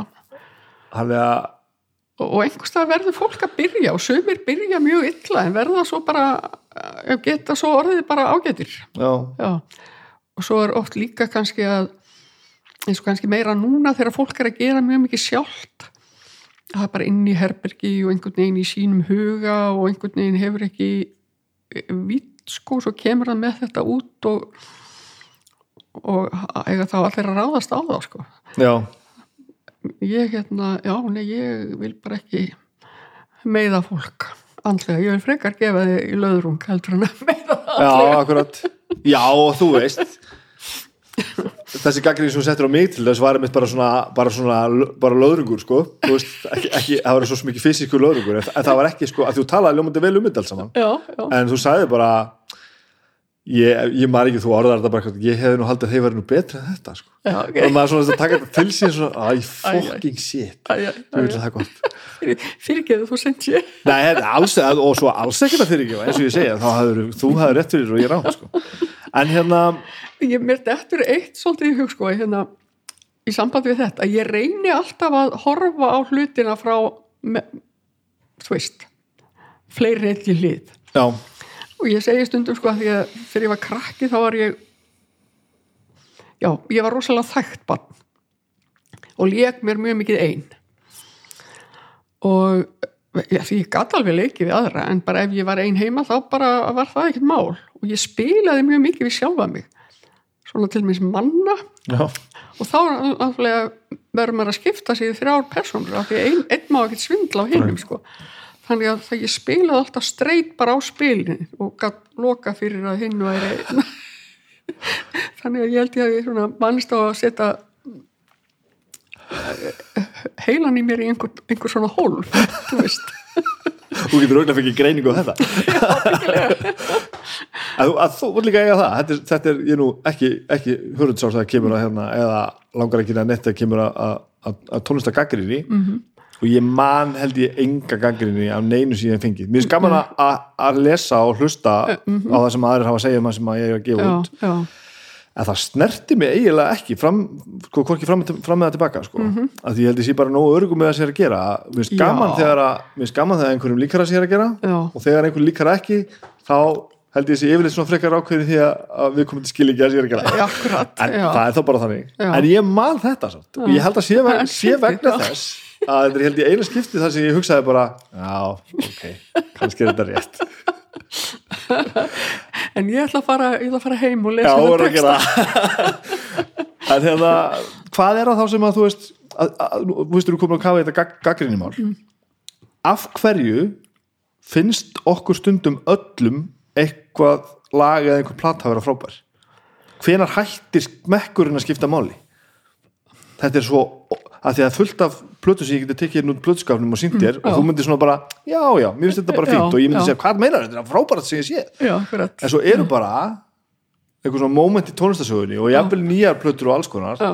þar sem að við bara öll einhvern veginn erum bara saman um já, þetta er frábært Já, það er nú eitt sem er dettur í hug og það er David Bowie sem ok. okay. á náttúrulega svo bara eh, sérstaka bara plötunar hans í gegnum tíðina sko ég er alveg viss um það að fullt af fólki sem elskar David Bowie og best of og svona ímislegt það myndi aldrei geta setið í gegnum og hlusta á he heil plötuna með. Nei, það er hárétt Já, þannig að hann er líka náttúrulega var svona kamiljón sem gætt gert svona já, bara mjög poppaða hluti sem að allir elskuðu en sko svo held ég að það sama fólk hérna sé ekki endilega hlusta á já, Berlínarplöturnar eða eitthvað, þú veist Berlínar Já. þrí, þríleikin Nei, og hérna ég man ekki til að það hafi verið kannski sérstaklega vinsalt á sínum tíma nema kannski í einhverjum hópum sem er náttúrulega bara fylgjónum alveg.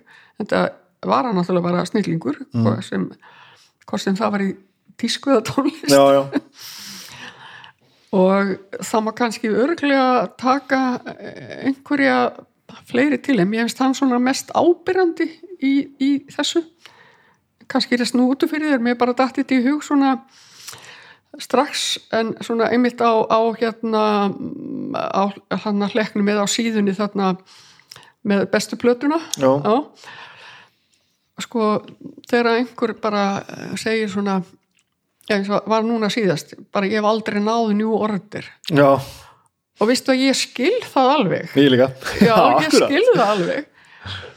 Og um, en sko uh, en þú þarft ekkert að ná öllu en þú getur alveg skili, já ég skil að þetta hefur haft áhrif. Já, já. Einhvern veginn þannig sko. Við nördandir allavega getum farið þangað sko. já, og svo er líka oft hérna, ég tek nú eins og með sko ég náttúrulega lifi í gegnum þannig já, bílana og eða þú veist þetta allt þetta bíla kynnslóðina og svo er hérna síru tímabilið þannig 67 og já, til 70 eða eitthvað, já, eftir lengur og svo, svo kemur þetta hipparokk sko út viðbuksunar og allt þetta sko og eins og náttúrulega, já, Deep Purple og mér fannst sko fyrst Deep Purple vera betri en Led Zeppelin sko. Ég er enda kynntist, já, Deep Purple er hans eldri hljónsett svo sem. Og en sko svo hlustaðum, svo kaup mér alla plöturnar en svo vissu marki sko. Þó að Deep Purple verði ekkert betri þá er ég bara búin að fá minn skaft, skaft. og stundum eru á eða hlustendur eru oft svona ósangjarni sko. Listamæðurinn verður ekkert verri en þú ert bara komin með vá þetta er svo gott að ég bara, ég þarf ekki meira já, já. Mér, það, það er svoleiðis um suma, ekki alla.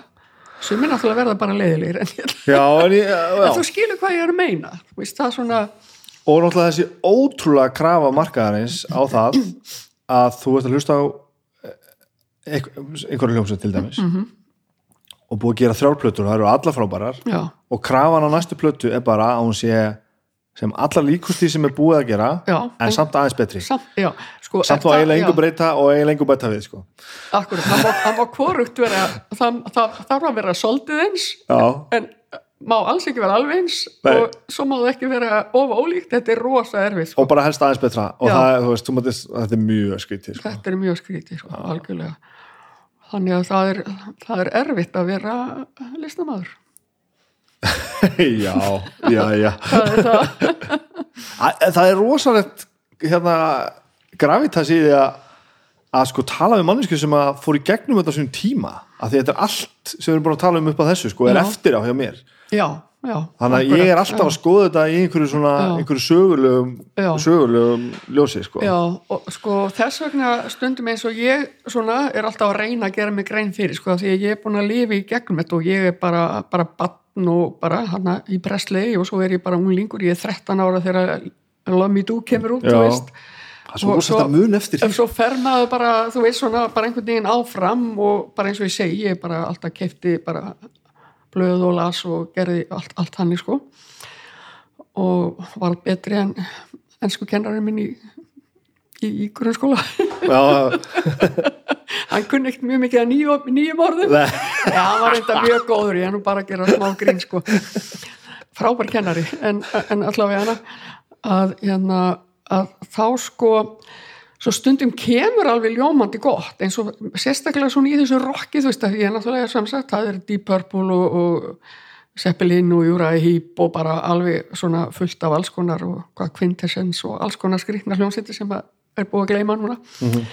En um, svo kemur eitthvað núna sko og eins og það var til dæmis sérstaklega svona uh, hárrokkið eða hvað er þetta að kalla glam 80s, já, 80s, 80s, já. sko, já að mér, mér gæti getur alveg fundist það skemmtilegt og mér, á ACDC finnst mér reyndar frábæri þeir náttúrulega eru bara svo spes og eru já, bara, það er nú eins og ekkit annað sko. já, já, bara, já.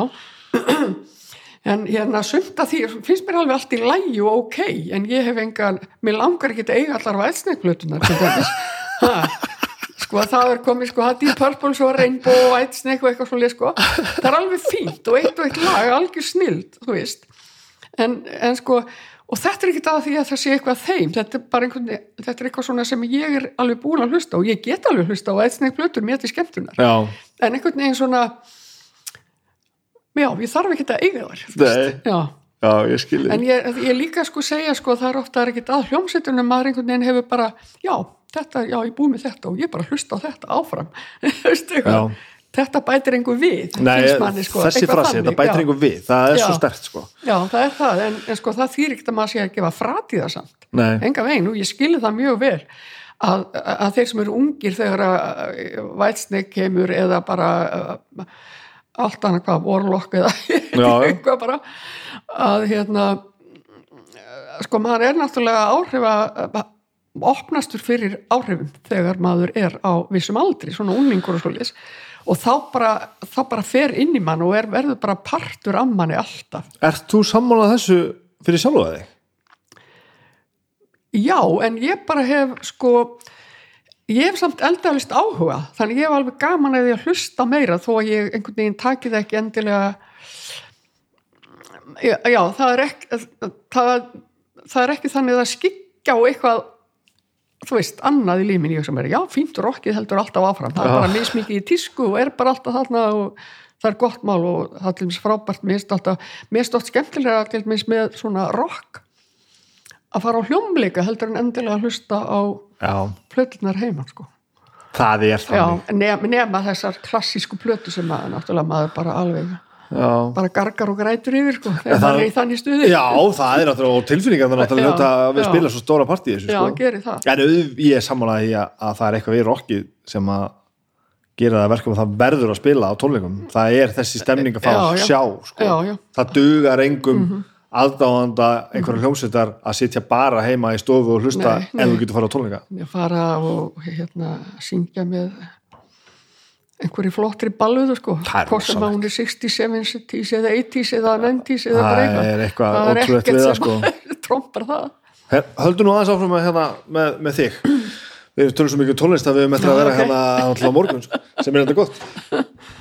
Hvert er okkur? Þú varst, þú varst, þú varst farin í MR Já, ég fór MR og það náttúrulega er bara algjör bítla tími sko, mín kynslu, ég er útskrifað 69 þá er ég student frá MR ok, og það er bara, já, bítlarnir og auðvitað stóns líka en, en, en allavega minn bekkur er meira bítlar en stóns sko. og hvað er þú að ge gera þannig, ertu bara að hlusta á tónlist? Uh, jú, ég lærði nú líka. Já, ok, þarna var bara, já, ég var í máladeild. Það var bara tvær deildir í MR þá sko, það var starfræðideild og máladeild akkur fórst í MR? Það er ekki átt að fara bara að löga vatna eða eitthvað? ég vildi ekki fara í heimavistaskóla mér fannst það eitthvað vera mikil innilokun og ég vildi bara vera í Reykjavík og geta farið í hérna bíó og bara allt svona Já, já, já, og, og ég bara og hérna ég var í sveit uh, heilmikið þegar ég var krakki ég er bara einhvern veginn búin með svona einhverja sveitaromatík ef ég fyrir til útlanda, mér langar ekkert að fara í enska sveit eða ameríska. Jú reynda það, jú, ég hef svo sem prófaði það er alveg fínt sko, en mér er skemmtilegast að sitja á bekk í Stórborg og bara horfa á fólk, segja þessi nú alveg eins og hún yngum vinkona mín og selfossi. Eitthvað svona, og þú er bara svo Universal 101 já, já, já, já, ég er það í raunni ok, Já, en allavega ég var búin að segja sko að hérna ég vann alltaf á Selfossi 65 en svona eftir, ég er eiginlega búin að vera alveg í Reykjavík svona eftir 74-5 sko. Já, og, og, og auðvitað fyrir alltaf að veturna frá 65 þannig að ég er já, ég er ég er bara reykvíkingur. Já. Og hvað ætlaðir að verða þegar þú verið stór? um, ég ætlaði eiginlega ég var svo sem aldrei alveg viss. En hérna ég hefði átt að verða kennari eiginlega. Þannig að mér finnst svolítið svona að vera í útvarpun og tala með það, mér finnst ég að ná því aðeins að vera svona aðeins kennari. Já, og ég reyndi að prófa að kenna smá við innskólan og sjálfhósi ok. Hvað varstu að það kenna? var ég rúmlega ég ætlaði nú bara að kenna ensku en svo var ég líka beðin um að kenna líka dönsku. Og hvað félagsfræði Já, en svo ég var beðin um að kenna líka einhverja starffræði í sko fyrsta bekknum þá sagði ég nei, ég nenni ekki að læra heima. Nei, já, nákvæmlega. Þar ég var ekki svo góð í starffræði að ég tæki það að mér sko. En fór þetta ekkert áfram? Þú er ekkert, ekkert farið um Nei, sko, ég svo, ég fór í háskólan að vísu, fór í ennsku deild. Uh og uh, en svo bara fekk ég bóðum það að vera prófarkalýsar á þjóðviljanum. Já, Það var bara hringt í mig. Sko hérna frænka mín sem hétt Jónína Benediktsdóttir sýstir hans gumma Ben í mánum. Já. Hún var gift svafar í gessinni sem sko og ég leiði hjá þeim tvö fyrstu, tvo fyrstu veturna í, þegar ég var í MR og hérna svafar var sko bláðamaður á þjóðviljanum og varð svo reittstjóri og eitthvað svo lis en allavega hana að sko þá var þetta var á þeim tíma Já, ég, ok, ég hafði bara sem sagt og hann vissi að ég var góð í íslensku en svo lið einhver ár, nei þetta hefur líklega kannski verið 71 eða eitthvað, svoleiðis, já, já, ég var í háskólanum eitthvað. Að þá vantaði, þá var sko þá voru blöðin að fara úr blíjunu yfir í offset, Já, þannig að, sko Elias Mar sem var próverkarlesarinn á þjóðiljanum, hann fór að læra offsetið í blaðaprenti í síðmólanum og það þurfti einhvern á meðan að leysa hann af og lesa í blíjinu, þannig að ég náði að lesa nokkra mánuði í blíjinu vá. sem er mjög spes. Og uh, hérna uh, þannig að Svavar eh, sem sagt hringdi í mig og þá var ég bara ógeðslega glöð að hætta háskólan á minn Já, það var af því að mér fannst það alveg skemmtilegt skiluru Já, en þá bara fekk ég og þetta var svona þetta var svona eh, síðla vetrar minni mig að þarna 71 eða 2 ég man ekki alveg hvaða ár þetta var. Og þá bara fór ég það og svo bara þurfti þér að hafa hérna fá sér annan prófaklýsa þannig að ég bara lendi þessu þarna og svo fór maður að skeri yfir músík og bara eitthvað þannig. Og þannig ég var bara þarna í tíu ára eða eitthvað, meira held ég. Já, ég vissi náttúrulega að það hefði verið á Já, já. Það fór sem svona inn? Já, á, sem, sem prófarkalýsari.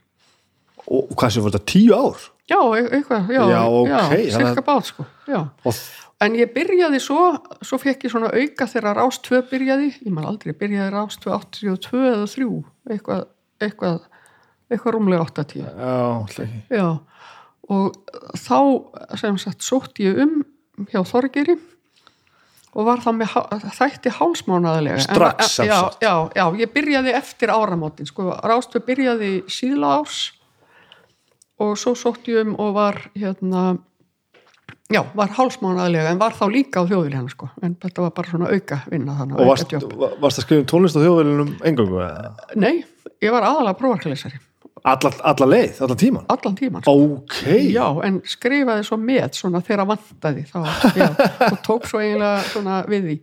En ég reyndar glemt að segja það, ég var búin að vera aðeins í útvarpi, ég var á skúlagötunni smá, þegar var bara gu, gamla gufan. á rás eitt Já, bara það var bara, þetta var bara ríkisútvarpi, Já. sko. áður en hérna, áður en, Áður en- rás, áður en rás tökum til söguna. áður þetta þurfti að heita rás eitt Já, það var að því að hérna, Ásta R sem að svo var alþingiskona, við vorum, hérna, við vorum skólasýstur úr MR að þannig að Ásta R var með einhverja þætti á hérna og svo þurfti hún, svo fekk hún vinnu yfir sumar sem leiðsugumadur í einhvers staðar í útlöndum Spáni eða Ítalju eða eitthvað, ég veit ekki alveg hvað. Þannig að hann að vanta eitthvað til að leysa af þannig að hún ringdi mig. Þannig að ég fór og, og listi heyrðu, ég er svo kölkuð. Nei, ég var búin að vera eitthvað áður líka. Með Petri Stengrims, já, með Petri Stengrims lög unga hólsins þú varst Það líka? Já, nokkra þætti. Já, af því að hérna já, Pétur hafi verið með þá, það er það fyrsta í útvarpi. En ég man aldrei hvaða árið þetta var en þetta var eitthvað um 70 eitthvað svo lýs þetta gerði svona einhvern veginn svolítið hvað af öðru. Hvernig dettur inn í, inn í þessa hluti? Sko, sko Pétur Stengrims hann var giftur henni Dóru Yngvadóttur svo skildu þau og þau hefðu verið með hann þátt saman. En Pétur vildi hafa konu á móti sér. Og þannig að hérna, við Pétur áttum sameiginlegan kunningja sem var hann Haukur Ingibergs. Og hann sem sagt letti okkur saman. Og þess vegna fór ég að vera með Pétri á nótum æskunar og ég man nú ekkit, það var nú ekkit lengi en það var svona kannski sumari vetur, ég man ekki alveg hversu lengi. Það var það fyrsta og svo var það sem sagt listi ég að þarna fyrir ástu. Svo fekk ég vinnu á hérna um, vinnu þarna á plötusafninu í, nýri, við skólagötu þegar útvarpið var þar. Ok. Já, þannig að já, en ég einhvern veginn sko mér, finnst alltaf að lífi sé svolítið þannig að hérna, ég er ekki að mæla með því að fólk ger ekki neitt og láti reka en allt einhvern veginn svona sem ég hef gert það hefur bara einhvern veginn svona svolítið bara komið til mín. Já, og ég vorkinni bara oft fólki eins og nú til dags hvað er erfitt að vera ungur í dag? Sko mín kynslu við verðum svo djöfult gömul að við bara drepum sentið aldrei, ég veit það alveg. Og erum alltaf endalist fyrir. En hérna þannig ég held að það sé mjög erfitt og og hérna svona þurfa þú veist að býða og sanna sig og taka einhver inntökupróf og eitthvað svona sko. Já. Þannig að ég bara, mér finnst ég að vera algjör lukkuna pamfíl, mér finnst bara eins og ég hef staðið svona í fljóti. Já, og bara svona verið þarna og og tækifærin hafi bara komið og rekist á mig og ég hef bara farið með þeim. Að það gleymist samt stundum í svona sögum bæði hjá þeim sem segir frá og þeim sem lusta sko, að þegar þú ert að segja þetta hann bara svona komið þín þá áttu samt að tala um sko tíu ára prófakarlestur á þjóðvílanum. Og manneski sem til dæmis sinnir ekki starfisinu vel skilur það tekur enginn eftir henni. Ég, ég er nú komin á það, þá, þá, þá stöðu í lífinu að sko góðu hlutinni koma til þeirra sem að gera hlutina vel. Kannski líka hérna já, ég hef alltaf haft rosalega mikil áhuga á málfræði og setningafræði. Mér hefur alltaf hundist það mjög skemmtilegt þannig að það má eiginlega segja það að málfræði og setningafræði hafi verið grunnurinn að því að, að ég er núna í útarpinu Já, og, ég, og þetta er til dæmis frábært. En svona einhvern veginn að ég, ég kaupi það ekki alveg lengur þegar fólk segir já, svo datt ég bara þetta nei, það var einhver sem mælti með þér að því að voru að gera svo margt svo vel áður, það lítur að vera. Þetta er ekki bara svona að þessi verið að benda á hverju rand og mannesku og bara, vilt þú ekki bara koma? Já. Það er eitthvað meira sko. en svo er, svo er náttúrulega margir ég pyrra marga af því ég held ég hef nú aðeins lagast með árónum, ég hef alltaf verið svona já, ég er svona frekar feimin svona sjálf svona inn í mér en ég er ekki feimin, ég get farið þú, í mannfjöld og allt svoleið sko. Já. en ég er svona frekar persónulega feimin en ég er ekki, ég get alveg farið en ég, ég, ég pyrra mjög marga því ég á það til stundum að vera mjög lengi að tala og, og svona, en það er misjæft Já. og þú, þú gerir greið fyrir öllu þessu já, ég veit það alveg sko. og stundum bara er bara einhvern veginn eins og heilin sé bara í fríi aðeins annar staðar hmm. frábært Þetta er, alltaf mjög, veist, þetta er svo stert persónuenginni, það er alltaf bara búið að taka því fyrir stundum í útvarpinu, það sem að Já, er já. bara svona, það er svo detti bara út og bara fara að hugsa um eitthvað annað. já, Þannig að þetta, þú, þú áttar þig á þessu öllu saman. já, ég geri það alveg Það er frábært. En það er bara ekkert í því að gera maður har bara stundum, en stundum líka gerist og alltaf öðru hverju eins og núna bara í í vetur, já ég held að já. Eða ég meina í síðasta vetur. Og þá bara, sko það er náttúrulega núna komið svo mikil tækni, sko það er bara skjáir og bara lögin eru bara þarna og eitthvað þannig. Og en sko um daginn til dæmis að þegar ég var að sko, og ég er að byrja bara verður skjárin svartur. Já, það bara, bara frýs eitthvað og bara, bara dettur út bara þegar ég er að fara að byrja. Og fréttina búnar og ég ætla bara að fara að setja á svona stef eftir fréttinnar þá bara verður allt bara svart og hérna og þá þarf ég náttúrulega að segja eitthvað já, hér, út og eitthvað svona, já, heyrðu ég það vil nú svo vel til að ég er með geisladiska í bakpókanum, ég sæki það bara, þá er með einhverja tvo geisladiska, einhverja saplata Þetta var, var eins og þú verið að leika sjálfa þig það sem, að, það sem aðri ekki er að grína.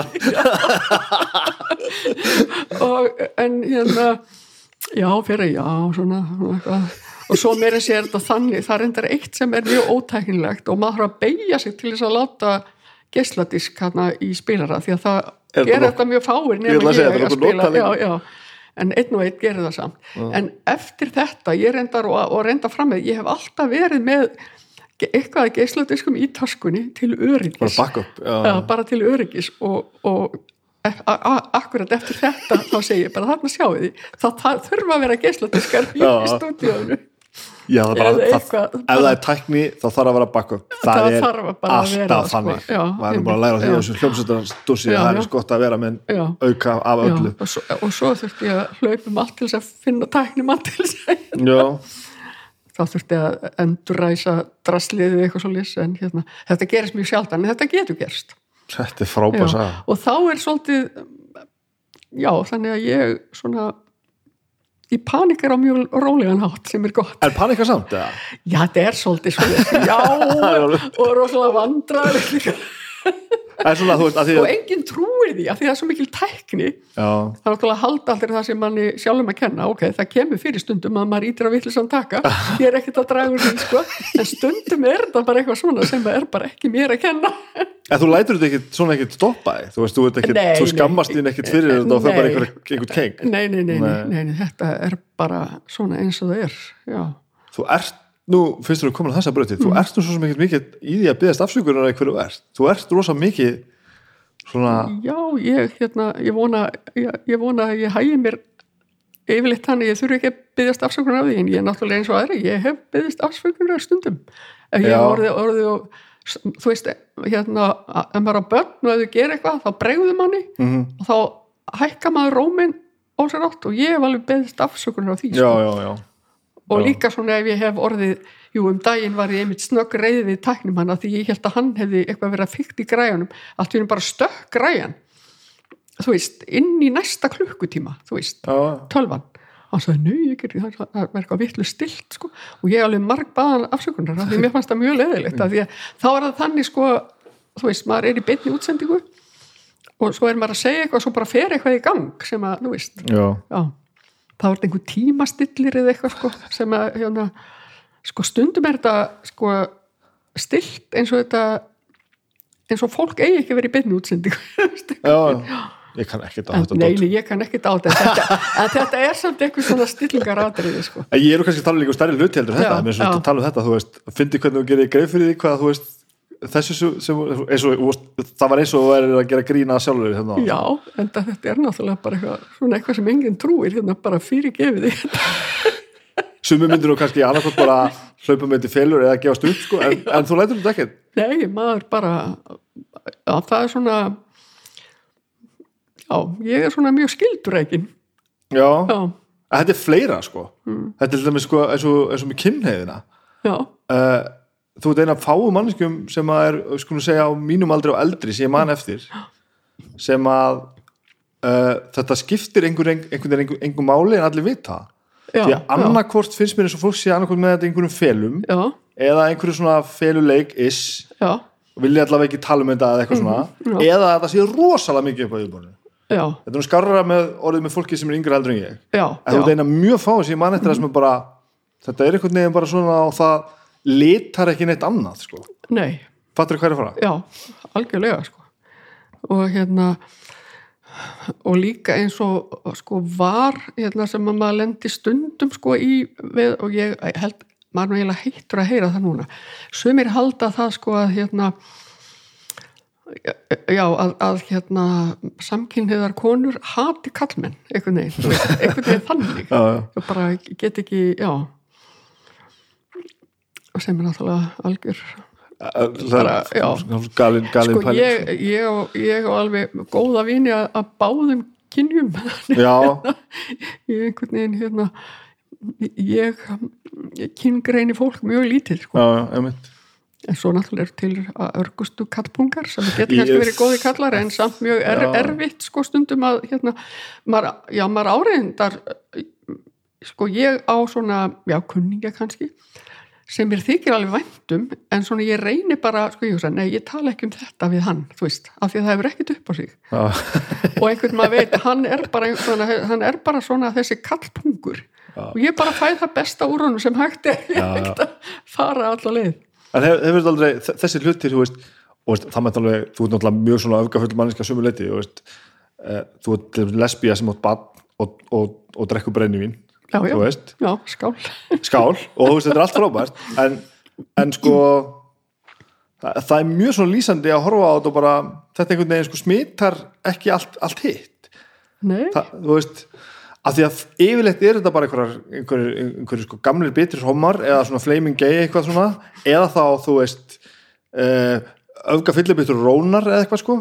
Og bara, nei, hún er bara lesbía sem drekkur brennivín. Og það er einhvern veginn bara er ég komin að hála lýsa það nei, nei, alls ekki, ekki mín vegna. En, þetta þú veist já, ég held að þetta gerir svo mikið gagn að, að þessi til fólk eins og þú sem gerir þetta þannig að þetta uh, breytir ekki öllu öðru í kring. Nei, akkurat já, ég hérna mér finnst bara aðalega að bara, maður á bara að reyna að vera almjölu manneski og skilja það. Það er ekki allir á sömu skoðun og ég. Og svo ef einhver hefur aldrei hitt lesbíu eða heldur hann hefur ekki gert eða eitthvað slíkt. Að hérna að hérna maður, maður, maður þarf að hafa skilning á fordóm svo, svo lengi sem það er ekki fordómar sem að ganga út í öfgar já, af því að sumt fólk þarf bara tíma til að venjast segja bara já ok, þetta er allt í lagi veist. hafa líka skilning á því og eins með foreldra sem eiga börn og gefa þeim alveg tíma en náttúrulega þau ekki fá nýtt tíma hefur veru hérna ætla að fara með barni sitt í krossin og afhóma það eða eitthvað það, Nei, er nei, nei. Bara, það er náttúrulega bara mannvonska og bara 111. meðferð á fólki. Já, það reyndar finnst kannski engum þetta fyndi lengur. Þetta 111 ég skildi þetta eins og ég ætlaði bara sko þetta, þetta ég held þetta þetta geti jafnvel bara verið úr testamentinu. Það sem það er eitthvað það er sko ill meðferð í öll öll og einhver Já. las þetta 111 ha, ha, Mjög ha. gott. þetta er svona íslensk fyndi en, en þessi aðdraðandir er allir svona málum. Þegar þú svona, þú veist, ert að finna þig og svona. Mm. Lendur þá ekki á þessum veggjum sem sem eru að tala um, þú veist? Eh, að vera eitthvað svona óveist með sjálfa þig og einhverju aðrir er einhvern veginn að dæma hvernig þú sko, ert maður, og, já, sko, maður er kannski aðeins svona, kannski óviss. Jú, manni finnst þetta svona bæði spennandi en svo er þetta líka ekki samtíkt er náttúrulega sko, svo langt síðan sko að hérna maður náttúrulega finnur fyrir þessu alveg bara sem unglingu strax en er bara ekki svona alveg já, ekki alveg viss þú veist hvað maður á að gera. Eitthvað. Og en hérna svo einhvern veginn, ég hef aldrei var aldrei neitt hrætt við þetta eða þannig, en maður bara þurft og ég hafði ekki svo mikið skilning á því að þú veist alveg eins og ég þurfti að venjast þessu þá þurfti aðrir að venjast líka og ég var alls ekkit sko að hérna jú, ef ég var spurð þá viðkendi ég það alveg sko en ég var ekkert að standa upp á hól og segja það. Nei, nei, ég var það alls ekki en sko þeir sem að svona þekktu mig vissu það og svona. En aldrei, þú hefur aldrei verið að fylla þetta neitt? Nei, ég, aldrei, ég hef aldrei falið það en ekki auglýsta heldur. Hefur, hefur komið til skápnum? allir það, það, mér finnst þetta svo þetta Já. finnst mér nefnilega svolítið áhugaverð fyrirbrið já, að þegar þú ert búin að tala um að koma til skápnum. Finnst mér svolítið eins og sért búin að setja það, þetta í þann búning að þetta sé einhver svona ég ætla ekki segja skrítið en svona alltaf sko, já, það er hérna eitt sem ég þarf að segja að þetta er ekki eins og að innan alltaf gæðsalpa á að vera, Já. ég þarf að segja þér að uh, já. þetta sé ekki bara partur að því hvernig lífið heldur áfram sko. Nei, svona ég einhvern veginn ég finnst bara að vera hafa verið bara þróun innra með mér og svo með öðrum. Og ég hef ekki hitt neitt sem hefur verið nexlaður á því. Það er magnað sko. Það af því að það. nú ansi mikið hittum vera hólki Já. sem var einhvern veginn ákveðið í því líka. En auðvitað sko, en það er líka eða var hérna áður fyrr það var erfiðar að vera hommi heldur en að því að sko kallmenn taka því ekki sjálflega alveg, alveglega ef einhver kona segir hún sé lesbísk. Þá má læknaður allar halda þeir margir.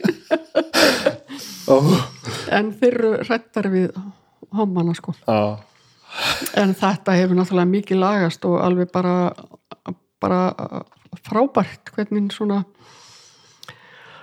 já, okkar þjóðfélag að mistkosti, þó það sé náttúrulega til alveg eh, bara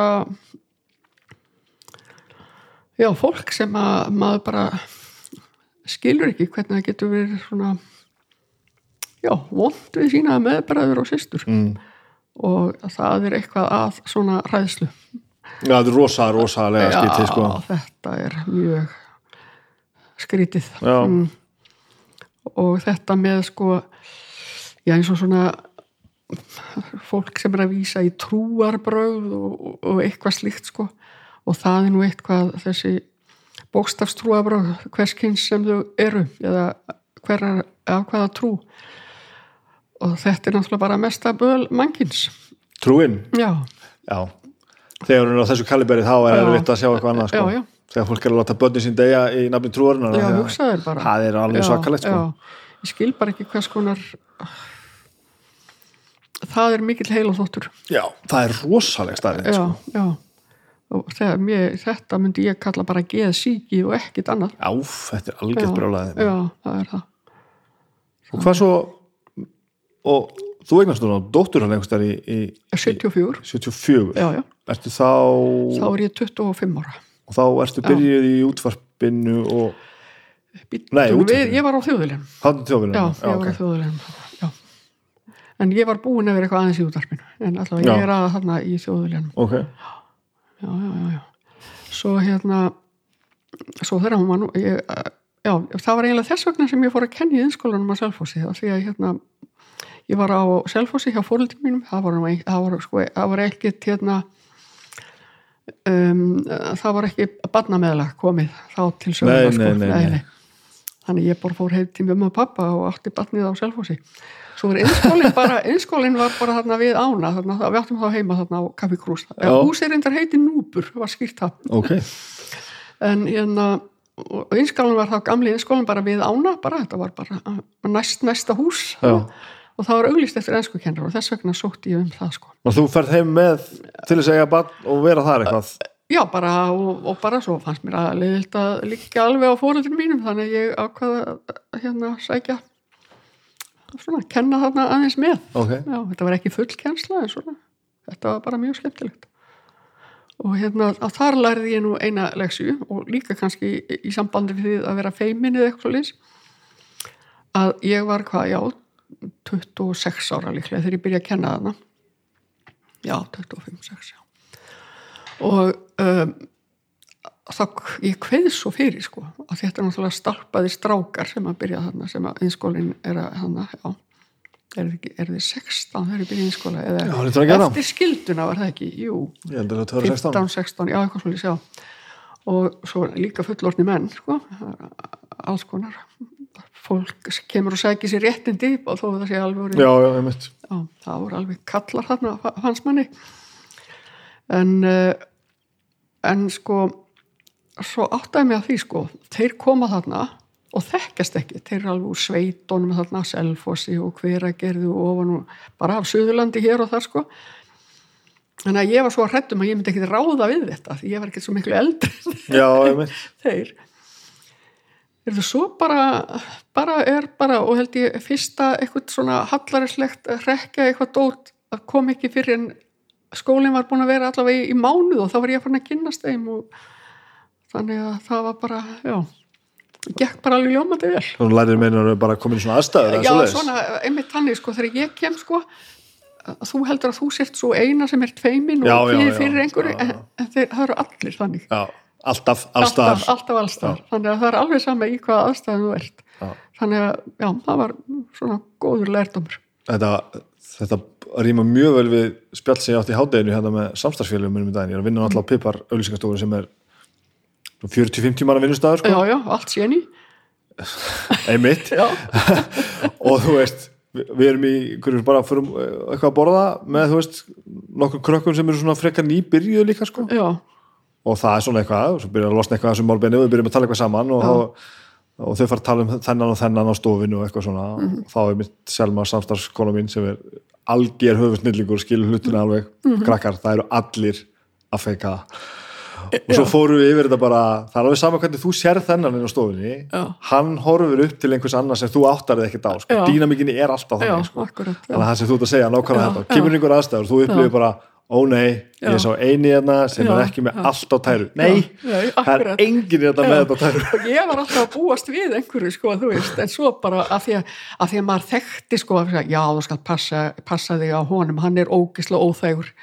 Það voru tveir þannig í fyrsta bekknu sem ég kendi svona höfðu verið mjög, mjög bara ódælir í skóla. Já, já, heyrðu, þeir voru bara mestu ljósin bara efer, þú veist og annar þeirra til dæmis sagði ef að var svona eitthvað mas, það var aðalega á föstudögum, þá var náttúrulega það var áður en kom ríki á Selfoss þá fór að náttúrulega hálfur bekkurum í, í ríkið til þess að komast í ríkið í Reykjavík sko. já, allan til Reykjavík já, já, það bara. Reykjavík sko. fóru nokkri saman sko. og hérna svo líka kom ég því bara á ég sagði bara, sko, strákar ef það er með eitthvað vesinn, sko, ég vil bara frekar að þið farið, heldur en að, þú veist að vera eitthvað að skemma hérna fyrir hinnum ég sagði að það er einn og einn sem vill læra ennsku og ég var að tók svona létt að læra sko texta og var að spila eitthvað á eitthvað kassettæki og eitthvað svona sko. Þannig að við vorum bara mjög ánað svona hvert með annað þarna í, í, í einskólanum, það var bara mjög gaman og hérna og ég sagði, heyrðu, ég skrif ekkert skrópaug bara farið, ég, ég bara nenni ekki að hafa ykkur ef þið eru svona, já, svona mikið vesin á okkur þetta er nú oft finnst manni svolítið Já. grundvallar til að tala bara við fólk eins og fólk. Já, akkurat, já. Og hérna þannig að það, var bara. En upplifir þið þarna, þú veist, þa- þarna ertu náttúrulega þú veist, mér fannst gaman að vera kennari. Já. mér fannst það bara mjög gaman alveg virkilega. Þarna ertu bara ung einstæð móðir já, þú veist, já, þú, einhvern veginn. Mm, og mér fannst það aldrei vera neitt hérna og um, já, mér finnst það að það er líka eitt gott við Íslendinga sem er örglega það sama eins og svona flestir taka samkynniðu fólki vel og svona að það er svona eitthvað, ég held líka við erum það sko fá og þekkjumst og allir eiga einhverja homma eða lessur í familjunni og eitthvað svona þannig að og þetta er svona já, við þekkjumst ágætlega vel.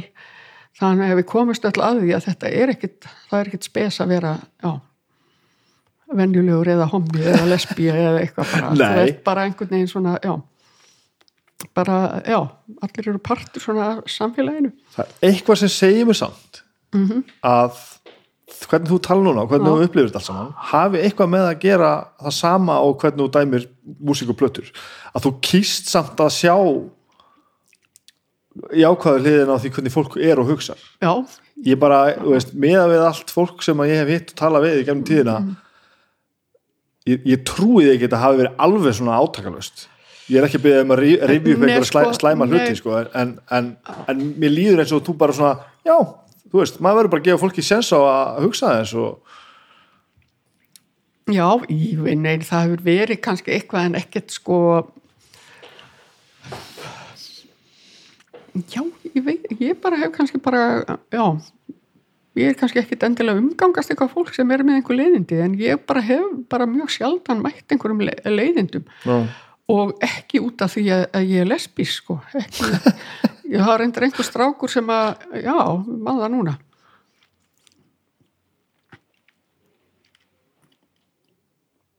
Ég með þekkta hann ekki einu sinni. Það var í þjóðleikuskjallarinn og hann var með hníf. Já. og, og ég skar mig á hendinni. Hann var eitthvað eitthvað reyður ég var að, að, að dansa þarna við hérna konuna sem ég bjóð með. og að þið voru samkynni en, en ég veit aldrei út af hverju það var hvort það var eitthvað sem fór í töðunar honum. Ég bara veit ekki, það, hann var bara fjallaður þú veist, og þú vissir ekki dánum fyrir það síðan nei, veit ekkert hver þetta var. Já. svona ef þú vilt heyra eitthvað leiðilegt Nei, ég, já. ekki, ég var eiginlega ekki að beinta að leita Nei, leiðilegu en, en, ég er að segja en sko, en sko svo erum við náttúrulega misjöfn. Sko uh, sumt hérna já, samkynlegt fólk eða það náttúrulega eru til mörg kyn, ég nenni ekki að fara út í það. Bara, bara, fólk, bara fólk sem er ekki alveg í, í norminu að, að því er sagt er. Að hérna, það eru þetta bara misjaflega aggressíft og, og vitt svona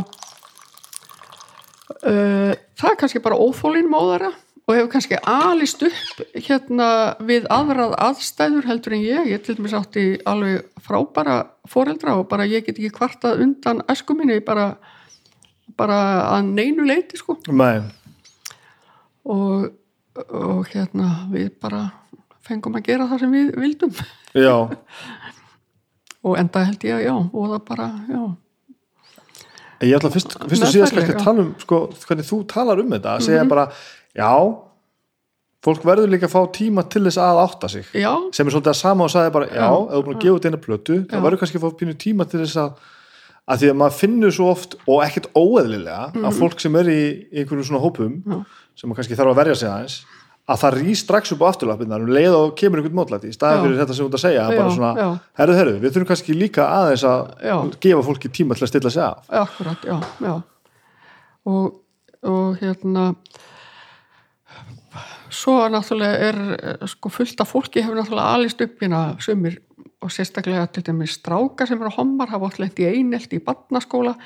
Og þú náttúrulega þólinmæðin er búin kannski á vissum punkti. Já, já, já, já, já, já, já.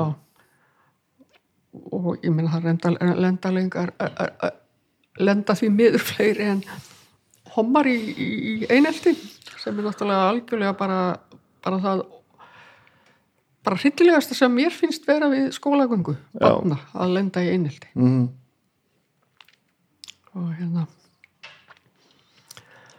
þannig að hérna já, mér, sko ég vil svona sína svona þólinmæði en svo náttúrulega kemur að því að að maður vil kannski gefa einhverjum á kæftin og, og, og, og, maður hefur bara misjamt þól í því sko. Já, já, þetta er góð þetta er, þetta er Já, góð nálgun sko. já. mjög gott Ertu svo bara orðin útvarsmannska þegar þú byrjar í útvarpinu? Af því að við náttúrulega sem að, þú veist, ég Já. til dæmis ég, það er ekkit útvarp til eiginlega nema þú sitt í því fyrir mér sko kannski að því að við náttúrulega við náttúrulega kannski erum svolítið á sama stað tónlistarlega og svona Já. þannig að augljóslega ertu kannski svolítið mikið að tala þar sem ég er að hlusta já, já, en ég bara man, man varla eftir útvarsmenningu á Íslandi nema þú sérst það sko. Já, ég hef búin að vera ansi lengi sko, ekki alveg svona stanslust en, en svona, já, mjög mikið sko. Einhvern veginn lafi ég þarna og já, og var þetta eitthvað sem ákvasta á yrðir? Þú veist, varstu búin að ákvaða, að nú er ég af skóla Nei, mér fannst, mér fannst það náttúrulega mjög eh, svo gaman, þetta náttúrulega líka að vinna við áhugamálið, það náttúrulega er alveg rosaleg Og- lukka, og alltaf verið með tónlistar útvarp eða eitthvað? Já, þetta er að þú er aldrei verið í svona dægumála eða neinu nei, ég hef aldrei verið í því sko. þannig að músikin er alltaf, þetta er alltaf fremst. já, það er það. En hérna já, ég er endar þekkt einu sinni konu frænkan sem Marðar Árnasonar að hérna hún átti heima smá tími í sama hús ef ég og við fórum einstaklega sinnum á Rauðaljónið. Og þá sagði hún einhvern tímann strákar, hún Andrea getur talað um ímislegt annað en tónlist. Já, já, já. en þetta er eins og að góð spurning. Hva, um hvað talar þegar þú ekki tala um tónlist? Ég get alveg talað um svona já, svona þjóðfélagsmál og slíkt sko, þetta fylgist maður með því sem er að gerast í heiminum og hefur mismiklara áhyggjur. Mhm. og bara hræðilegt sem er að gerast svona hægri sveifla og verið að taka réttindi frá fólki til dæmis samkynniðu fólki með svo í Evrópu. Mhm. Og bara fasista væðing, bara því miður og því að það er svolítið erfitt að sjá heiminn svona, í, svona tala um áðan í baksinspeglinum Já. eða sérst í, í, í hérna svona sögulegu samingi sko Mhm. uh, svona fólk á mínum aldrei ofta veltið fyrir sig sko hvort það sé eitthvað veist, er þetta ekki alltaf svona við sjáum þetta bara misvel það náttúrulega er alltaf verið að segja sko að það er svo hérna að það eru fréttir af ýmsu núna sem var ekki vitað hér já, áður fyrr Kannski sko, það sem ég var að reyna að segja. já, já, einmitt, já. En það er nú búið að vera í nokkuð mörg á sko. En auðvitað um, svo má svo má líka kannski segja að það sé orðið ofmagn og fólk bara verður leitt á að, að hérna öllum þessum upplýsingum. Þannig að hérna við mögum ekki heldur dofna gagvart í en það er svolítil hætta á því. En sko það sem að mér finnst eins og núna allar þessar hörmungar sem er að gerast í heiminum og náttúrulega COVID þetta er náttúrulega bara við erum, vitum ekkert hvernig það fer. Við hefum ekki hugmyndu um það. En mér finnst það vera rosalega aumingelegt ef að fólk getur ekki spritta sig utan og innan og, eða aðal utan kannski Já. og hérna uh, í einhver tíma af því að hva, hva, hvernig líður okkur ef þetta væri styrjöld eða stríð við megum sko þvílíkt þakka fyrir það að hafa, við fengum svona sínisotna stríði hérna í setna stríðinu Mhm. og ég auðvitað það, það, það auðvitað dó fólk og nokkrir gerðu það Mhm. upp kjálfarið en og fórust á sjó og svona. En uh, en eins og núna sko að fólk er að kvart yfir því ekki að komast ekki á barinn í einhver tíma Já, eða, eða eitthvað, það megi ekki rífast um akkur eru meirinn tíu ríkin en mega bara vera þetta margir í mér finnst bara sko að, að, hérna, við höfum bara að fara alla leið og gera þetta. Og ekkert alltaf vera að pæla í hvort má ég gera þetta eða má ég kannski ekki gera það bara ákveða strax að fara bara alla leið í þessum sóttvörnum og leggja eitthvað að mörgum en ekki vera að efast um það sem hámenta fólk er að segja Nei, það, þetta er mitt nákvæmlega þetta bara hérna, mér, sko, þetta er þvílík hérna, já, bara svo mikil tróki og Það var einhver sem saði svo frábæra setningur um daginn sko. sóttvarnirnar, horfiði nú samt á þar þannig að sé að hjálpa ykkur Já. í staði fyrir að, að, að reyna að finna leiðina þannig séuð eins nála því að brjóta þær ekki að þau geti verið sko. Að, brjóta þær að þau geti verið alltaf að finna einhverja leið. Ég má þetta af því að þetta og þetta og þetta bara, ég, Já, ég, eitthvað, þú, ekki gera þetta samt af því að það er fólk í lífsættu þetta sko. Já, og það er fólk, fólk að vinna af sér raskat upp á spítala af því að þú ert bara að vera fávitin inn í bæ. Já. Að þú veist- já, og svo líka þeir sem eru búin að fá segja ég, ég er búin að fá þetta þannig að ég hérna, þannig að ég er í lægi Mhm. þú getur hitt mig en ég meina fólk getur samt smita Já, ég er bara með, höndunum Ég er til já, dæmis með já, sko. já, Hér já. er bara spritt á borðum og ég Já, er já, búin að reynsa allt já. og þrýfa þegar fólk kemur já, já, einmitt. og meina, ég fyrir mér, ég fyrir mér grím í strætó já, ég líka enda ég held að það verði að gera Já, það en ég meina, Já. ég spytta náttúrulega ekki skilur, Nei, nei, hún akkurat, gerir já. ekki neitt nei, nei, en fyrir mér er líka partur af þessu COVID-máli er Já. að að andlega helsan á fólki sko. já, já mér er alveg saman hvort að fólk heldur að ég sé fáið eða því ég er ekki með grímu en mér er ekki sama að Já. fólki líði ekki vel að því að sér einhvern ekki með grímu það sem á var með grímu Já, mér finnst reynda fólk mér, mér finnst fólk vera að gera svolítið átak allavega það sem ég hef farið svona í búðir. Já, ég, en ég reyndar hérna og best ég segi það hér að ég er með þetta fína ráð ef þú ert í veslun, þú dregur körfun á eftir þér, þá ræður þú hvað þessi sem kemur á eftir þér, hvaðan kemur nálagt herðu, þetta er gríðalegt trikk. Já, og þó þú sért bara að kaupa uh, hvað, einn lakríspakka eða eitthvað, þá tekur þú körfu og dregur hann eftir þér. Þetta er frábært. Það er svona. En þetta er bara rosalega lúmst og já, við sjáum þetta ekki en þetta er svo sannlega þannig Já, mm. auðvitað. Já. Þannig að hérna. Hvernig er með hérna að því að tala um barinn og þetta saman? Já. Þú, hérna, hvernig er með þig og allt þetta fyllir í sem maður talaði um alltaf það er bara það, það er lítið gerst hvað, var, var ekki síðast opið í ágúst? Jú, ég held að að ég var nú kannski líka við bara gennum tíðina. Varstu, Já, já, varstu já. strax eh, þú, þú varst þessi kaffihúsa bar típa, hvað?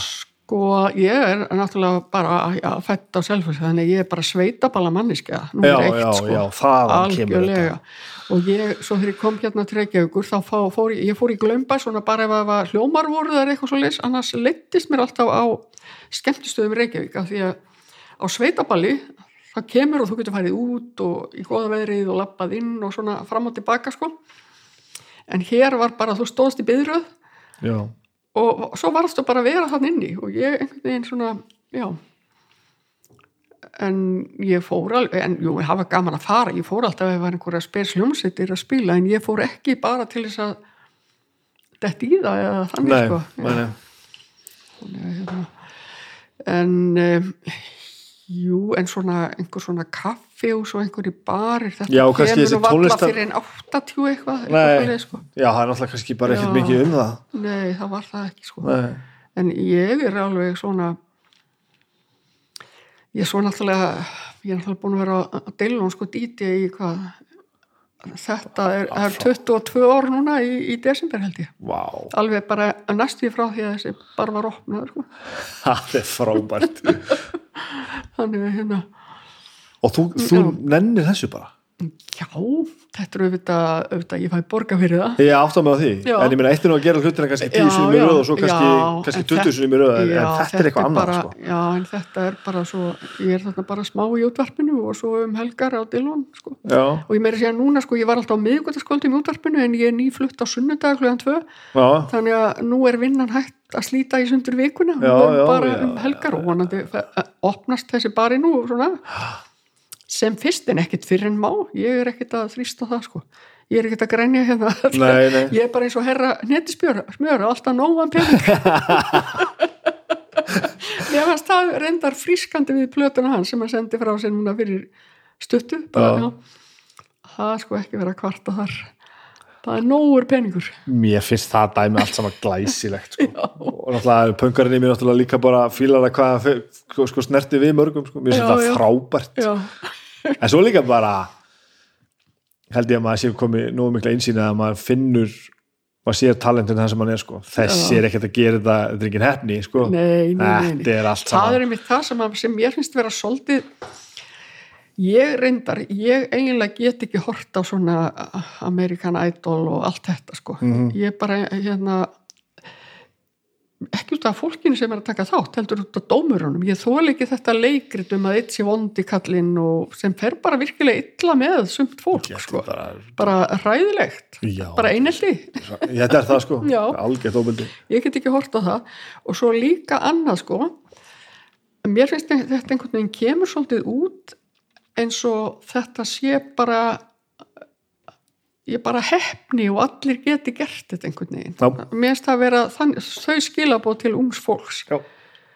ekki að þetta sé auðvitað er hæfileikar en náttúrulega líka uh, bara eins og þú veist þú þarft að leggja líf þitt í að æfa þig og ná einhverjum hérna hæðum og nú er bara svo mikið að hæfileika fólki allstaðar að þú þarft að bara komast hérna Já, það, er, það er virkilega mikil vinna í þessu og bara leggja bara lífið í sölurnar fyrir þetta til Já. þess að það er að segja ef, að, ef það er það eina sem þú vilt að, að er að verða frægur sko.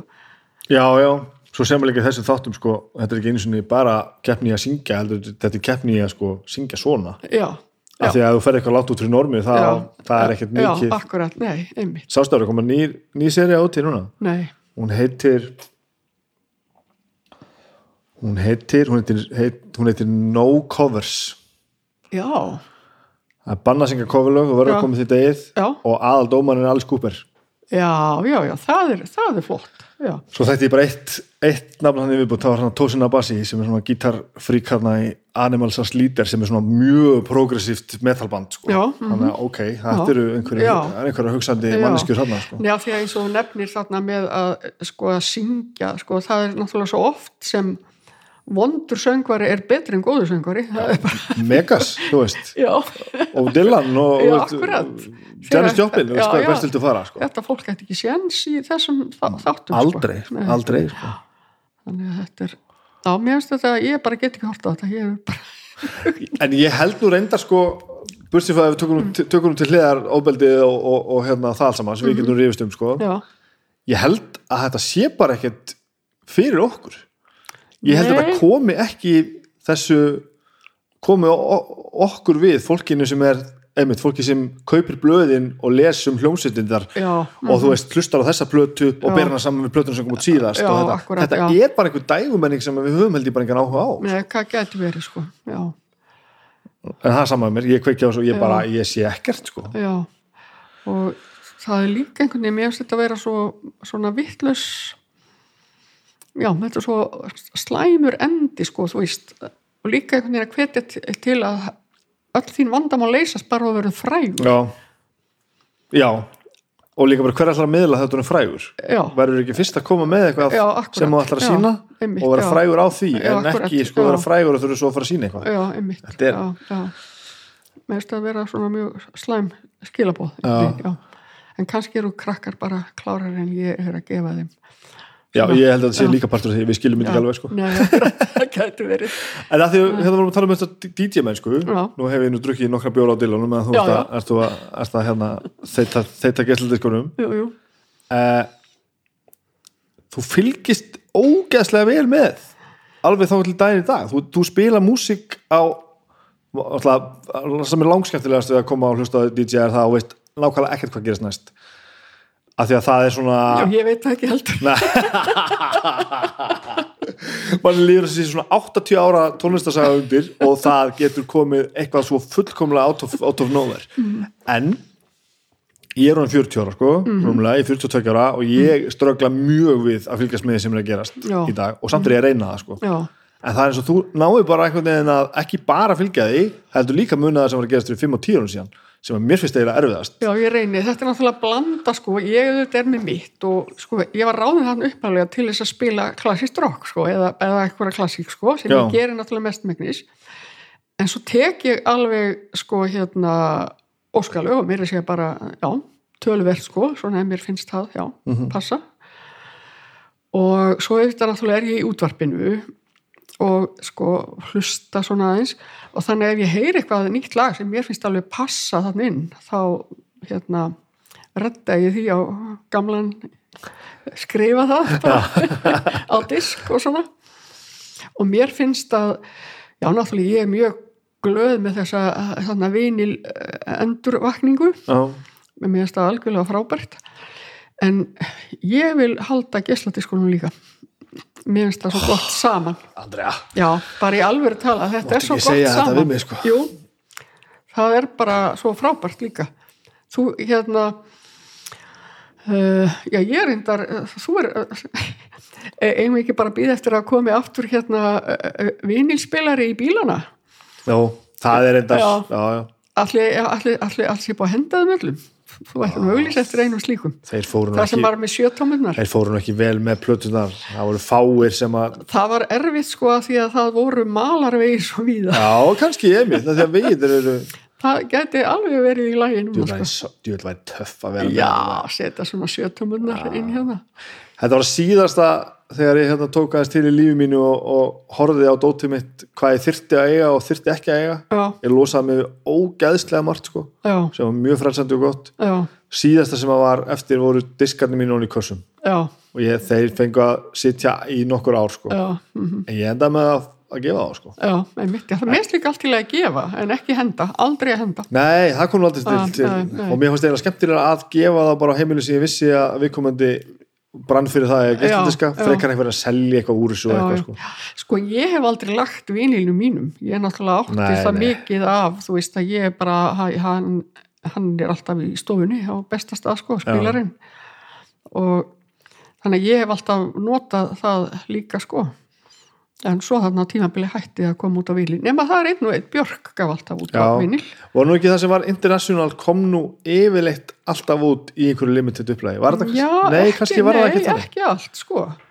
En, sko en það finnst mér líka svo skemmtilegt að segja sérstaklega í apnöldur mínum svona einhverjum kalla söfnurum sko að hérna sem að þól ekki svona hvað segir maður, reifmúsík eða tekno eða eitthvað mm. svoleið, svona dansmúsík sko það eru þessir DJ-er í Englandi sem bjarga vinilnum. Af því að þeir þurftu þá í, í skratsið og þetta allt saman. Já, og vildu bara vera með vinil. Já, þeir bjarga já, já. að þeir björgu þessu. En ertu alveg þú notar ekkert Spotify, ekkert svoleiðis? Jú, ég gerir það. gerir það, já, ég man Ég fyrir að hafa hertist já, ég veit, veistu að ég bara fíla ekki og veistu það, ég fíla það ekki ennþá af því að þetta er ekki nema hálfu sannleikurinn. Þú ert ekki með neitt, það er ekki nógu nei. upplýsingar. Ég sammála því. Og mér finnst fólk, bara vera svikið um hérna já, það er að hérna, já. Sko, ég, ég er alveg með áskrift og allt sko, Æ, það er svo margt sem er gefið út með sem ég þarf að tala um eins og plötu vikunar já, en mér finnst bara vanta mjög mikið sko, ef að fólk gefur alls ekki út sko, hérna vanta bara upplýsingar og hitt og þetta. Mér finnst líka og ég skil ekki akkuru, akkuru retta fólk ekki þessum upplýsingum sjálft? Sjálft mennur, um, það er hægt að setja þetta inn. Já, þú menna það ég er að já, það sko. Eða ég held að það á að vera hægt sko. Já, já, já. maður getur séð reynda núna aðeins hver samdilagið og eitthvað en, sumir er ekki eins og að fylla það út. Af því að ef þú sjálfur berði ekki þá virðingu fyrir því sem þú mátt að gefa út að þú hérna týnir allt til? Hvernig er þá aðra að gera þetta er náttúrulega held ég í kjarnanum sko. Mhm, já. ég átti þetta spjallu í blaðamannum daginn út af Já. bríetaplötur ég mynd það komið fréttanum og náttúrulega ekki út vínil sem var snildalegt já, og þá er myndi voru að ræða þetta sko þetta þau skilabóð sem þú ert búin að senda út með því að gefa út vínilin sko. Já, þú veist, þá varst þú bara búin að fara herru, ég er að gefa plötu hérna og hún Já. er til svona og getur fengið gesladisk og getur náttúrulega bara að fara á Spotify eða YouTube og hlusta á þetta. Já, já, já, en svo getur líka hérna svo er ég að gefa út plötu og hún er hér. hún er já. 12 tómur og það er alls konar blöð og dótt já, einmitt, já, og hvort einhver kaupir það Mhm. er ekkit endilega málið sko. Nei, en Bríett með þetta sem hún er búin að ákveða að gera og sína okkur mhm, við hliðin á listamanninu sem að er að gera kannski ekkert síri hluti og, og alveg ljómandi jafn frambarlega já, en gerir þetta ekki alla leið já, þá ertu bara búin að svona já, og ég held að þessi Já. fysikal eintök þau, þau sko það kemur ekkert í staðin fyrir ekki neitt. Og, og það er til dæmis eitt í sambandi við þetta sem að mér hefur fundist vera sko það, það er náttúrulega alveg fyrir netið og allt svo leiðis en það er náttúrulega bara ekkert allt á netinu. En mér hefur fundist það svona með því sem að ég í útvarpi, mér, hefur alltaf fundist minn tilgangur vera einmitt sá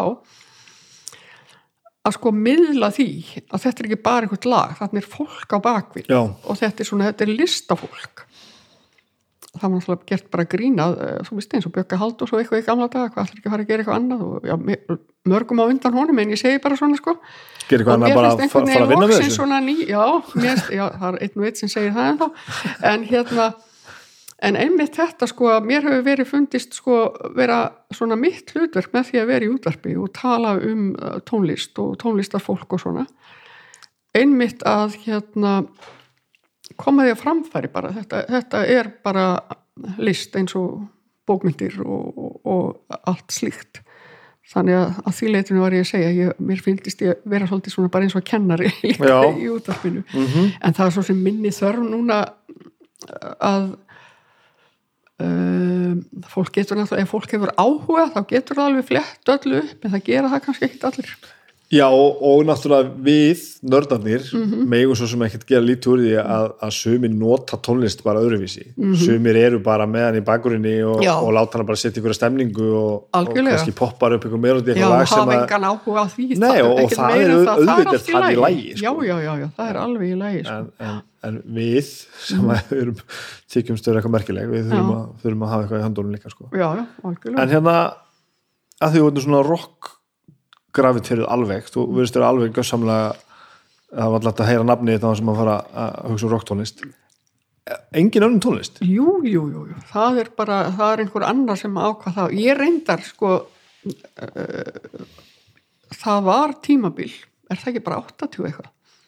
Þá var ég á Rástöðu öll virkvöld með hafa bara rock þáttur Andrefi Jónsdóttur Stefán Jón Hafstein hann fann það og þá er ég bara alveg í rocki en ég alveg hlusta á alls konar tónlist sko. Og á mér hérna að mér dettur nú bara í hug eins og snillingur eins og Carol King. Já, já. og Janis Ian og, og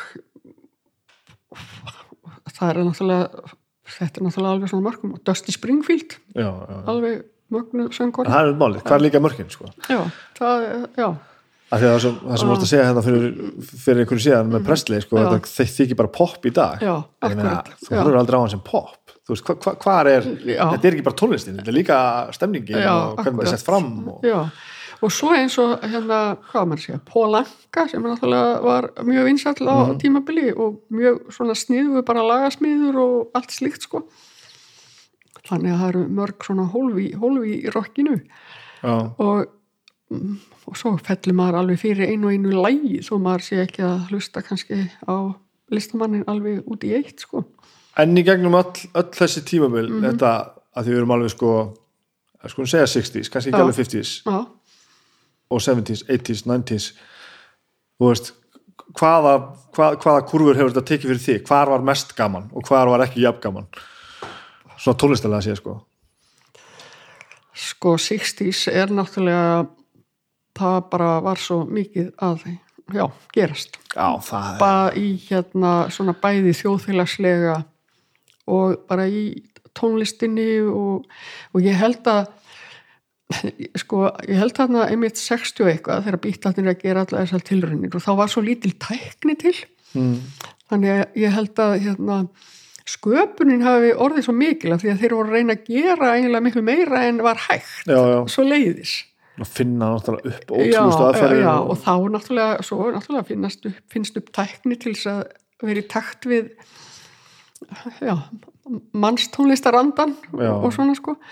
Þannig að það er mikið að, að gerjast en svo kemur 80 eitthvað og margir svona að gera lítið úr 80s og allt svo leiðis en að margan hátt er 80s svolítið líkt 60s að því að rosalega mikið af svona góðum svona poplögum já, svona góðum svona melodíum það er Já, alveg já, heilmikið en, en fullt svona af hljómborðin sem að manni hljóm, hljómuðu svolítið asnalega trendin, þau eldust ekki vel þar. Það er misjant en svo finnst manni bara bara fyndið að heyra þetta núna já, sumt er fyndið, sumt er bara Já. ah, já. þannig að já, þar, þar tók aðeins svona já tæknin aðeins yfir hundina en hérna, að því að svo er minn sko blómatími verður bara 90s sko. Og fyrir mér er bara, veist, ég er að vera snemma að hlusta svona þungdrokk og eitthvað svoleiðis. En allt þar á undan, ég, svona, mm. veist, ég man eftir að hafa alist upp, ég fætti 78 sko, Já. en man eftir að hafa alist upp í 80sinu sko, já, og 90s verður alveg mitt sko, þannig að já, já. allt þar á undan er ég að skoða einhvern veginn, það er eitt sem að, það er ein tónlistasnefna sem ég hef einhvern veginn aldrei komist inn í en ég bara fæ alltaf hlátuskast og það er hérna, það er svona, svona dauðarokk, svona, svona Já. þessi söngur, sko. ok bara ég hérna. þetta sína er plötskapin minn hann Já, fullur á þessu og það er einmitt síðan að þú varst að tala um á, áðan, sko, að eldast í einhverju, þú veist, uh, sko, já, verða hallarislegur, þú veist, Já. einhvern veginn og það, það er eitt sem að mér finnst vera frábært eins og með mínus og, og, og eins og krumma sko, hann var náttúrulega í, í þessum söng sko, þá eru þetta svona ungir, svona brjálaðir drengir, sko. En svo Haldur Lagsnes sá syngur hann bara svona öðruvísu og eh, ég var svo fegin já, af því einhvern veginn þú, eða þú veist kannski er þetta fordómur í mér en það er svolítið Auðvitað er þetta fordómur bja- já. Ég veist að mér, æ þetta er gott. Hann er að eldast og róast og ég, það væri svolítið hallarislegt ef hann væri ennþá þarna. Og nú er bara að koma country með honum ógeðslega flott. Að hérna, ég spila mjög reglulega á, á, á, hérna tónleikum með, með ríkfullótu fólki komið, sko, var að fara að í testi, sko, nála 60 sem Já. syngur svona eða þá, sko. Já, já. Þannig að það er svo það er. Já, já, það er allt í leiðin en mér, ég er alltaf það læti mig brosa. En það er eitt sko að ég hérna það er ein tegunda tónlist sem pyrra mig. Og það er svona íhugunar tónlist og svona um, og það bara gerist ekkert og maður verður bara alveg brjálaður eftir svona, já, ég myndur að segja þrjár mínútur, allavega eftir fimm mínútur þá bara, þú veist eitthvað svona sem á að líða áfram að láta manni þú veist, ég verður bara ógíslega reið. Þannig að Freyri Karlsson er ekki uppáhalds veistu að ég held reyndar að hans ég, ég held reyndar að hans ég bestu í þessu, ég er búin að hlusta mjög mikið af svona og reyna að hlusta. Þetta, þetta var mjög mikið í tísku einu sinni hérna alls konar svona músík En erum við ekki þarna samt að tala um bara eitthvað annað? Jú, Þetta er bara ekki það sem við erum að, að ég er að 100% sammálaði Já, sko. ég, skil, ég skil ekkert sko. Já, það, við erum bara ekki að leita að því saman sko. nei, og ég er alltaf að býða eitthvað gerist og bara gerist ekki Nei, það gerist ekkert Ég til dæmis, ég þurfti að Nefn ég hafi aldrei beðið nógu lengi. Já, ég er að prófa að snúa plötunni við og sé eitthvað hinum mig ég, ég þurfti sko að taka sjálfum mig gegn, með, sko, með jazz mm. að því að í mínum tónlistar heimi var þetta þannig að ég gætt bara lært lægið og það var versið var svona, ég gætt sungið með því svona Já. 60% Já. svo við lægið og ég gætt svona sett nefnir upp, upp í loft og sungið með því sko Já, já, og svo bara eitthvað svona hérna lægið áfram og svo, að, komum gítarsólu og, og þarna komum út úr þessu og eitthvað svona, óst, og ég svona, óst, beigði eftir öllum já. svo fyrir ég að hlusta á jazz og bara svona, þetta er rosa flókið maður, ég næ ekki allir stemningunni hérna, óst, ég get ekki sungið með þess almennilega, jú, kannski eitt og eitt svona eitthvað, þá kannski ég fattaði bara, herðu, slakaðu nú á, heldur upp á kaffi, settu hérna einhverja bestu jazzplötum heimsins á fónin, af því að þú veist, það er best fyrir mig af því að ég hef ekkit svona yfirgjörsmikla þekkingu á þessu, Já, bara bara rjóma núna þessu og svo að, fyrir þú veist af þá er allt orðið eitthvað öðruvísi. Já. það er bara, stemningin er bara orðin einhvern önnur. Þú Já. þekkir þetta svona næstum því já, og þú ert bara einhvern veginn að lesa blaðið eða eitthvað og drekka kaffi. Í stað fyrir að vera bara svo ég bara two minutes to midnight sem var bara, þú veist, bara krista plötu umslæðið og þú veist, lag. frábært lag. Að þetta er ekki að sama.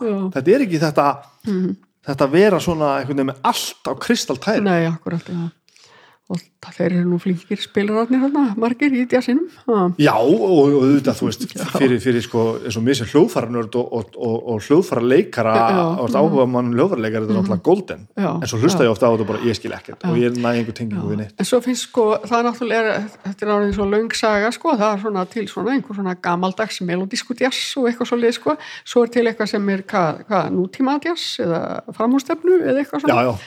Já, já, og ég verð nú að viðkenna það mér er gaman að fara þannig sko, fara á hljómleika svo liðs en ekki endilega hlusta það heima á plötu svona ef það er svona mjög hérna já, svona flókið og Já. alls konar kannski bara eins og, já líka já, líka svona kannski já, óhef, óhefbundi svona alls konar líka svona sem er kallað klassist eða já, í svona þeim geiranum, mentaða geiranum já, Myrk, myrkir músikdagar já, akkurat. Eitthvað sem er svona kref, krefjandi þannig Já. að þú þurfur að veita þessu einhverja maður aðtegli. hefur á tilfinningunum svolítið að maður þurfa að vera mentaður til að hlusta á það en kannski er það bara minnskilningur Ég held að það sé eh, allavega ekki allur sannleikurinn, sko. Ég held að þetta Já, er er, ekki sko. einmitt eitthvað sem maður getur ákveðið að taka úr, út fyrir sjálfan sig, sko. en ég er á sama stað Mhm. Ég er náttúrulega bara sökkur fyrir melodi og, og einhverju krafti já, já, sko, manni finnst það svolítið gott sko. það er ég, á, ég held ég sé að koma staði betur og betur þetta er bara eitthvað pínu annað já. og þú veist, og maður þarf að, sko, er að segja ef maður hefur áhugað þá er maður líka já, ma maður þarf að vera tilbúin að leggja á sig sko. já, já, hárrétt Mm. og auðvitað mikið af þessu döðarokki það er kannski næst því sem ég kemst þar já mm hlusta á flókið atónal teknist döðarokk, það Já. er náttúrulega ekki ósvipað þessu, þessu nei, nei, það er bara, já, það er bara þar og nú já. er náttúrulega þessi virtuosa jazz og þessi metal farin að renna mjög mikið saman Já, mjög mikið í akkurat. tísku að, að blanda þessu saman, að þetta er mjög skilt sko. já. en hérna í sambandi við sko fólk er að segja svona sumri eins og að, já, alltaf að segja hverja rockið sér dögt sem er náttúrulega vittlisa, það hverfi stundu bara í skuggan fyrir einhver sem er í meiri tísku eða eitthvað þannig. En ég svona upplýði það til dæmis bæði, bæði með hérna hérna Sveit og líka Nirvana og sé bara, uff, hann ekki bara einhver að bjarga rokkin Mhm. Já, fyrsta platan, hann að Animal já, heit, heitur hún það ekki, ég veist að ég man ekki en Já, alltaf það er að það lager sem, að, sem er ennþá uppáhaldsplatan mín sko, með, með þeim. Svo fóru þeir, urðu þeir svona aðeins svona meira poppaðri sko. Sem er allt í lagi, þeir mega það En, hjartanlega sammála sko. Það er alltaf, alltaf, kemur alltaf einhver svona einfallleiki Já, sem að grípur alla sko. og bara ég sá einmitt bara fyrst myndbandi þarna með hérna Nirvana hérna, Já, Spirit. Bara, sem er svo magnað myndband. Var ekki Íslandingur okkar sem vann í því? Jú, Já. býtum við, hvernig var þetta þér? Gústi, Alveg rétt. Já, Ágúst einhversson já, mm já, En það, þessi moment, maður mann þetta sko. já. Og, og ég bara, vá, bara ég alveg en þarna komum við aftur að því sem að, sem að nú er að tengja ansi margt sem við erum búin að segja núna Mhm. sko. það sem, sem er bítlana þetta sem Nirvana gerðu að því ég man alltaf eftir því það er bara mín upplifun sem þú ert að lýsa Já. með bítlana já, það var það að færa tónlistina og kultúrin Já. til mín já, að þetta var búið að vera bara þú veist, þú veist um bítlana og þetta Já, þú veist, á já. skoðun og, Já, já. og hluturum og svona Já, já, já. það var búið að vera svo fjallægt já, svo allt í hennu bara koma bara einhverjum svona strákar sem að ég tengi bara við og eru bara að gera þetta og segja alls konar hluti um alls konar Já, hluti og ég bara akkurat, herðu, já. ég get þetta alveg. Ég skil var- þetta. já, en það er náttúrulega má segja sko, með þarna Seattle bylgjuna sem er náttúrulega er frábær á mjög margan hátt einmitt svona músiklega en hún var í rauninni svona eins dapurleg og, og hérna bílárin voru þannig séð gladleg af því þetta er náttúrulega svona hörmulegar einhvern veginn svona já, svona vonleysi og svolítið svona mikið mikið vera þarna. upphefja eitthvað svona þunglindi engi skilum það getur líka verið bara hafi verið hérna atunleysi og alls konar svona sem að er bara, að því svo sér maður líka að þetta var nú ekki alveg innantómt að það fólk tengdi nú tölunni já, bara, bara mjög sorglegt. Og mér finnst á margan hátt þó að hérna svo þessi flott margt þá pöldi hann bara drefuð mig niður. Með Alice in Chains vera svona hressari. og að nirvana, ég er mikill aðdándi þeirra líka. Sko. ég er mikill nirvana maður það var alltaf mitt, Já, mitt já, sko. já. en það er líka því það er öðru vísi. Nirvana er ekki eins og já, ég á erfitt með langmest af öllu hinnu maður. Já, pöldi hann nær mér alveg svona stundum. Já, mér finnst það mjög flott margt af því en svona stundum er svona, já ég þarf bara já, skvætta vatni framann mér stundum eða maður sekkur og, E, já, og, og, og vissan hátt þá allavega í byli þá finnst mér þessi músík ekki hafa elst vel. Nei, sammála því. Já. mikið er sammála því. Þetta er, maður getur alveg verið í svona, þú veist, þannig séð einhverju svona ég fílaði að taka einhverja plötu og eitthvað þannig sko. En eins og á svona dillon þá ger ég ekki mikið að því að spila þetta.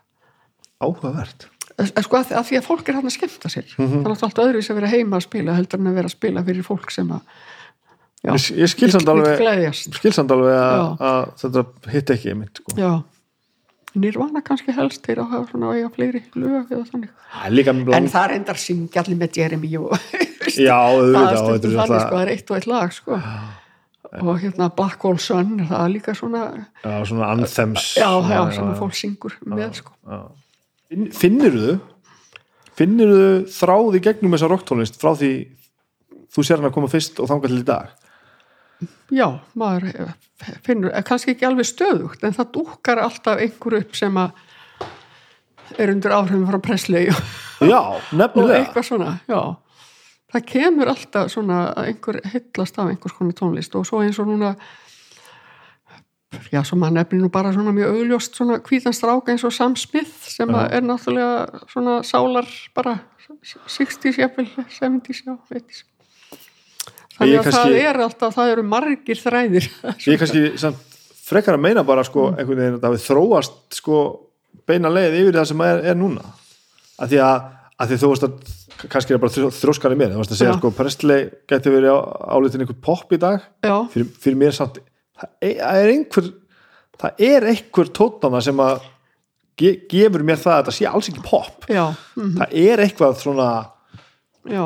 ég veit ekki hvort að, hvort að ég er að fara og, og, og, og með á hátt hérna. Það veginn finnst það ekki vera pop en ég bara er að tala með sko eins og núna sko af því að við erum náttúrulega farin svo langt svona út í hvað getur maður að sem ekki svona öfga hvað, öfgaþund eitthvað? Já, já, þetta er alltaf sko, orðið mjög og hérna sko miða við það uh, sko miða við það að þá finnst fólki sko sem að hefur kannski ekkit pælt í, hvað er ekki að því að, að, að pressleysi rokk sko. Nei, miða við það bara því að lætin eru miklu meiri. Já, Já, og hávaðinn og allt þetta sagt, sko. en og svo er ímislegt sem að maður hérna sko heyrði um eftir á að hérna, þeir voru svo bitrir þarna eins og Little Richard og, og, og þessir gæjar.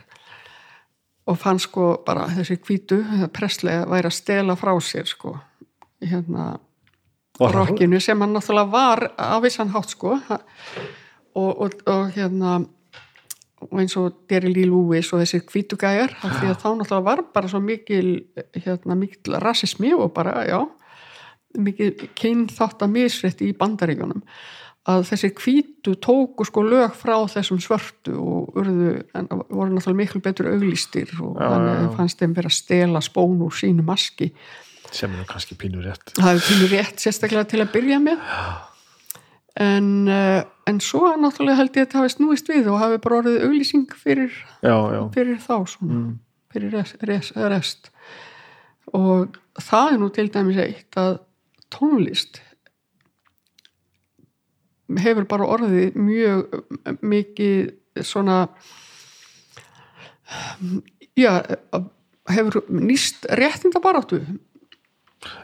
Vá, já. Já og bara alls konar hérna, já góðri pólitík Mhm. hefur einst henni bara mjög mikil sko hjálp til góðra mála. Hvað áttu marga plötur andra ég veit það ekki að því varst að segja að nú var, þú safnaðir ekki plötum hvað því er það? Nei, bara ef maður eignast, þú veist já hvað það myndur þú giska á? hefur áttu allt sem þú hefur eignast? Já, ég hef, ég hef til dæmis aldrei á æfinni selt eh, plötu eða, eða neitt sko. Ég hef gefið ef ég hef, það, það var reyndar þegar var að vera að leggja niður vinilín, þá var allavega tveir, sem, tveir eða þrý sem gáðu mér plötuna sínar. Mm. Og þá hef ég svona bara, þá átti ég kannski þrjár Pink Floyd af einhverju, Já, þá já. hef ég gefið það í ammælskjöfu já, eitthvað svoleið já sko. aðeins svoleiðis sem veit Já, einmitt, þannig, já. Og hérna Já, við, hérna, og dótti mín, hún á líka mjög mikið að plötum, þannig að við eigum einhverjar mörg þúsund, ég bara veit ekki. hvað ertu með þetta? Og þú, þú ert með þetta uppi? er, já, ég veit uppi eins og líka slatti ofan í kjallara, það er nú eiginlega að því að bara mér vantar hillur. Er að við erum að tala um mörg, mörg þúsund plötur Já, það er mikilvæg nokkur þúsund, sko. og það er vínill og, Og, og svo ég örgulega enn fleiri geisladiska, sko. já, ok. Það og sama með það, allt uppi eða? Já, en það er eitthvað niðri sem að ég reyndar er með fekk einhverja gamla hillu sem ég setti í geimslu, ég, ég er með stóra geimslu sko og ég þarf að snúa mig svolítið að ég að flokka þetta þetta er alveg rosalegt verk þetta er svona mikið. Þetta er alveg rosalegt verð sko. Það er einmitt þetta, maður veit ekki hvar maður á að byrja. Nei, já, já. Svo kannski bara drefst ég frá þessu og þá geta afkomundur bara, já, selt þetta. Ég mun ekki skilja eftir mikið af peningum en það er eitthvað í þessu. Já, ég var alveg til í að skipta einhverjum peningarfi og þessu held ég, grunar þetta sé svolítið svakar en lendur þá ekki í það, því þú veist, nú er ég auðvitað talsveit mikið minna en þú en samt svona, þú veist, þetta, þetta er alveg samt sem ég ekki vantum, þetta er mjög fallegt hjá þér og fallega fyrir. Og það mun sko það mun vaksa hratt. Og gerir það sko, Já. almáttugum minn já, en lendur ekki í því að þið finnst bara svolítið, að spila þetta sömu plötunar jú, maður gerir það svolítið en ég tek mig stundum til og ákveð að spila núna, taka einhvern fyrir sko. Bara, já. bara öðru, öðru hverju sko. Já, já, já. eiginlega sama hvað það er. Ég er náttúrulega þekki bíslana alveg best sko. Svo er ég líka náttúrulega alveg stóns en mér einhvern veginn já, með stóns svona góðir fram til 1970 Já. og svo, svona ein og ein mjög fín plata eftir það. Bílandur hefur við tóðið hættur enn tíma bara. Já, þeir hættu örugglega bara á góðum tíma. Gætir bara að trúa því. En hins vegar finnst mér alveg ótrúlegt hvað þeir plumuðu sér vel. Bara hver og einn bílarnir eftir að þeir hættu.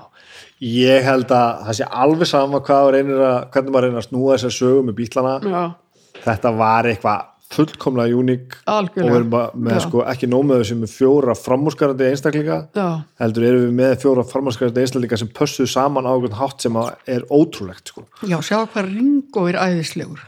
Lítur svo vel út og alltaf með písmerki sitt Í- og, einhvern bara eitthvað eftir því sem árin líða þá getur verið alltaf meira töff og töff. Já, hann var eitthvað svona pínu svona, svona sísti hann reyndar var vinsalastur í bandaríkjónum var Ringo? Já, hann bara, hann bara allir bara tóku hann ba- bara á, barminn eða eitthvað. Alltaf að sé amerískastur svona þeim ég veit það ekki, nei það held ég Nei, ekki, samt en hann ekki. er bara svona eitthvað svona djolli og bara eitthvað. En hérna en hérna var það já, svona fyrst, það var eiginlega flestir það það var Paul eða John já, var þetta ekki alltaf Póla John? Jú, það var eiginlega alltaf já. en hérna ég ákveð ég reyndar og var ekki þannig. Mér fannst þeir bara allir frábæri en svo ákveði ég að taka George af því að amma mín sá mynd af George svona aftan á svona bílablaði sem ég átti. Og sagði mikið er þessi stúlka líka en í andriu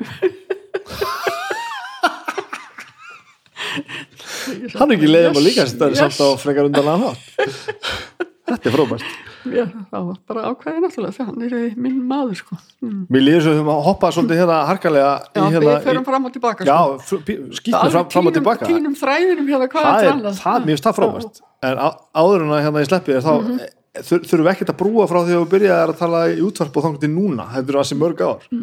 Hva, hvað, veist, hvað hefur gerst Á þessum, á þessum árum já, hvað Hva- ég, hvernig hefur þú lifað lífinu, Hva, hvað er búið að gerast? Hvað, er- við hvað hefur unnið? Ég hef eiginlega bara aðalega verið í bara útvarpi og í prófarkalestinum. Ég reyndar að lesa lítið núna. Ég hef verið öðru hverju beðinum að lesa prófarki sko. ó, áfram? Já bara svona, það er þá bara fríland sko. Já, já, já. einhver sem mann eftir mér og svona bara. Hmm. en, en að, ég bara hef verið í útvarpinu aðalega það er bara já, ég, ég er það er ekkert þannig, ég, sko. þannig að það er ekkert ímyndur í mér að finnast og Nei, að, já, og þessi 20 ár náttúrulega á, sko, það, málið, það er enda líka svolítið fyndið að þegar ég byrjaði á Dillon þá hérna varð ég ekki beint atunlaus en ég misti daldið og þú veist, varð svona já, svolítið tekjulaus á tímabili af því að minkaði, þú veist vinna.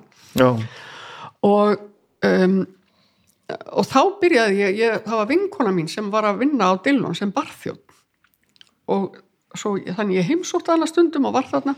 Og það var, það, það var bara svona eitt spilar svona, svona dekk með fimm eh, diskum í sem var hægt að raði og þetta bara rúlaði alltaf ég segi hvað? Eigið ekki aðra diska? Veist, svo byrjaði ég að spila þarna á sunnudagskvöldum og svo líka lögatum og svo á föstum og lögatum þannig að það svona óks svona smátt og smátt þannig enda mig ég bara kefti mér sjálf græjur af því að ég var eindur orðið mjög flink með þennan þarna og fljóta skipta en þá þarf maður að muna hvað er eitt og hvað er á tvö það er erfiðar eftir þrjábjóra já það er svolítið erfitt sko. En hérna uh, og já bara lendi þarna og þá er ég, þá er ég, ég er sko alveg 50 þegar ég byrja að vera DJ og hafðir ekkert DJ að Jú, í partí Já, alveg frá því að ég var unglingur sko, þú veist, frá því að litli fyrsti plötispyrjan, ég fór með hann í partí og svona sko, já, og ég hafði gert það, jú, og svona af einhverju unglinga uh, það var svona einhver svona unglingastaður í kallaranum sund, í Sundl Selfoss, það var 1970 til Já. 71, held ég eitthvað svo og þá spilaði mér alls konar mjög mikla framhússtefnu rock tónlist, sko, ég kom, var þá nýkomum frá London með alls konar rock sem hann var að spila þarna. Hvað skilur London? Ég fór bara uh, eftir stúdensprófið eða 1970 þá fór ég bara og var ég, vann í hálft ára á hóteli. Já, þannig að þá kefti maður ýmislegt. Og varstu þá að elda þessa menningu að fara út veist, já, mér langaði bara að fara þú veist, mér langaði að fara. Fyrsta skipti sem ég fór út bara að skoða til útlanda Já. á æfinni og það var hann en svona, vinna á hóteli í London. Já, ok. En svona þú veist, já útvarp, DJ, Já. rock. En svona bara, veist, hvernig hefur búið, hvernig er, þú veist já, ég bara já, ég egnaðist þarna dóttu mína og svo leiði ég nú hjá frængu minni fyrst þegar hún var lítil og svo leiði ég og svona. En svo 1983 þá flutti, flutti ég fekk, ég þarna í e, þetta var verkó. Þarna á Öldugranda hérna við, bara hérna við Eðistorgi eða það. Ok, og ég er búin að búa þar síðan 1983 og já og hérna, já, dóttir mín bara. Ertu búin að búa saman stað síðan þá? já, síðan 83 Þetta er ekki en, en, en fram að því bjó ég á rosalega mörgum stöðum hérna í Reykjavík. Frábært, alveg bara, já, og mjög mikið bara í 101 sko. já, já. Þetta er bara svolítið svona. Já, svona, njálskutu og barónstígu og eiríkskutu og já, ég var þar bara þangað til svo 83 þá ég er búin að vera þar síðan þarna í verko en svo ertu búin að vera í einhverju samböndum og hjónaböndum og svoleiðis, í Mm, Já, ég verið í svona, hvað ég segja? Ég myndi nú segja, ég móni móðgan engan, ég, ég myndi segja tveim samböndum. Já, ok. Og hérna já, og hérna upp úr öðru því sambandi þá eignaðist ég uh, já, son sem er svona, já, uppbildi sonu minn. Já, hann er fættur 85 og og dóttir mín á þrjú börn og hann var að eigna spannum daginn þannig að ég var alveg fjögur ömmubörn þetta er dásamlega eðlilegt með eitthvað óhefbundi saman. Það er, eitthvað, það er eitthvað mjög heillandi við þetta hvernig þetta hefur ekki farið þessa leið sem að samfélagi lítur á sem eðlilegt Já, en samt er einhvern veginn allt svona einhvern veginn. Já, bara mjög bara, já, þetta er bara, þú veltir þess ekki til þér er bara, Nei, mér finnst bara, ég held að tíkir okkur öllum bara ekki bara eðlilegt það sem við gerum. Það, ég já, vona ég vona heimurinn sé bara stefnaði að verða nákvæmlega svona. Það er ekkit eðlilegt að vera í þín, þínum hljómsveitum kannski. Nei, það er ekkert eðlilegt það. Það er bara einhvern veginn eins og nei, nei, það satt- mjög óeðlilegt fyrir mig en Já. nei, þó nei, ég myndi alveg fíla það en ég myndi ekki nærlega á reyndar. Já, þetta er nú ekki alltaf spurningu um það. já, ég kannski, ég kannski, þú kannski heimsækja mig eh, þegar ég verð sett á elli heimilinu þá, þá kemur, ég er nefnilega á gítar sko. Laðilega skal ég gera ég það. á ramaskítar og hérna já, ég áreindar ekki kassagítarna það er kassagítar gítar heimi hjá mér samt sko. Já. eða var, barnaböndin hafi kannski tekið hann en ég man það ekki, en allavega. Og hvað áttu svo eftir að gera? hvað, þú ég ætla bara að halda þessu áfram og ég ætla ekki að gera neinum auðvöld sko bæði, bæði Dillon og Ríkisúttar verða að reka mig, að mig af því að ég ætla að vera þar. En ég vona nú átti, ég átti mig á því ef ég verði mjög kölkuð eða eitthvað. Þreytistu ekkert? Nú er ég ekki Nei, bara að tala um er aldurinn mér heldur líka bara þetta gaman, ég er að segja það. Og þetta er náttúrulega þannig góð innivinna. Já, nema stundum að náttúrulega getur verið erfitt að vera á hljómleikum, maður reynir að fylgjast með því sko, það er alltaf gaman. En hérna nei og ég er alltaf sko ég myndi alveg vera að lesa sko tónlistablöð hvað sem ég var að vinna í útarpinu eða ekki, þetta er bara já partur þetta er bara brennandi já, áhug þetta er bara, já, bara að hefa áhuga að fylgjast með. Hvað, hvað gerist með gamla liði svo kemur eitthvað nýtt lið. Ég kaupi mig mikið hérna aðalega alltaf blað sem heitir Uncut. Já, það fylgir, fylgir alltaf með geisladiskur ennþá já, já, þeir eru nefnilega alveg harður í því. Og Mojo, þeir eru nú líka held ég ennþá með geisladisk já. alltaf, er það? já, kannski. allavega Uncut hefur verið með það alveg upp þess vegna ég kaupi það alltaf. Í Eymundsson við skólaverðstík ekkert flóknar það. Já, af því að svo kaupi ég stundum sko hinn blöðin eftir hvað ég á mikið pening og, líka eftir hvort er eitthvað í þeim sem að þú veist mér finnst ég þurfa. Klassik og rock og eitthvað svona en já, þú ert að lýsa einhver svona núvitundar lífi sem allir þykjastur að lífa það er bara svona bara svona, já, mjög með allt sem ég geri þetta rennur allt sem ég gegn, ég geri bara mitt og bara, já, ég er bara rosalega heppin, ég er bara að segja það. Ég er bara hérna einhvern veginn ég stundum kemur eitthvað upp á sem er vesin en ekkert svona sem að eh, hvarlar ekki að mér samt að hætta í útvarpinu nei mér finnst þess að tala við núna eða um tíma þetta snúast miklu verið um að hvernig þú hugsar um það sem kemur upp, heldur en hvað kemur upp. Eða já, eða kemur eitthvað upp á hjá þér eða einhvern veginn, einhver aðstæður er einhvern veginn. Já. Mér finnst ég að lesa úr því sem þetta að segja en það er miklu meira spurning um hvernig þú tekur á því sem gerist. Heldur en nákvæmlega hvað er sem gerist. Ég, ég hérna, eins og ég sagði fyrir eitthvað bilir útarpinu, ég einhvern veginn svona panikar ekki, ég er svona mjög bara, Já. ég bara róast all niður. Þó að það sé þetta og einhvern veginn svona ég er um, sko ég veit alveg og til dæmis eins eins og með heimsmál ég veit alveg að hlutinni geta farið illa. En ég einhvern veginn sko ég hugsa alveg þannig sko að ég er ekki eiðilegja sko tíma núna, þú veist, kannski ferða það illa einhver tíman en ég ætla að hafa það gott allavega þangað til Ég held, ég held að sérst að sko fara með orðabókar útskýringuna á orðinu núvitund. Mér finnst það reyndar alveg rosalega fyndið eins og það hafi eitthvað verið fundið upp í gæri eða eitthvað. Sko hérna sko amma mín sem að uh, hún dó nú bara eitthvað held ég um 1970 var fætt sko 1880 eitthvað. Og hérna sko ég hugsaði svo oft til hennar svona svona, já, bara þegar hippa tíminn kom og eitthvað svona um 70 og upp úr því ég hugsaði, nú ætti amma nú amma hefði að vera til núna. Já, já, einmitt. Sko hún vissi allt um jurtir og svona lækningamáttira og allt svo leysi, þetta var bara daglegu partur af hennar hérna lífi.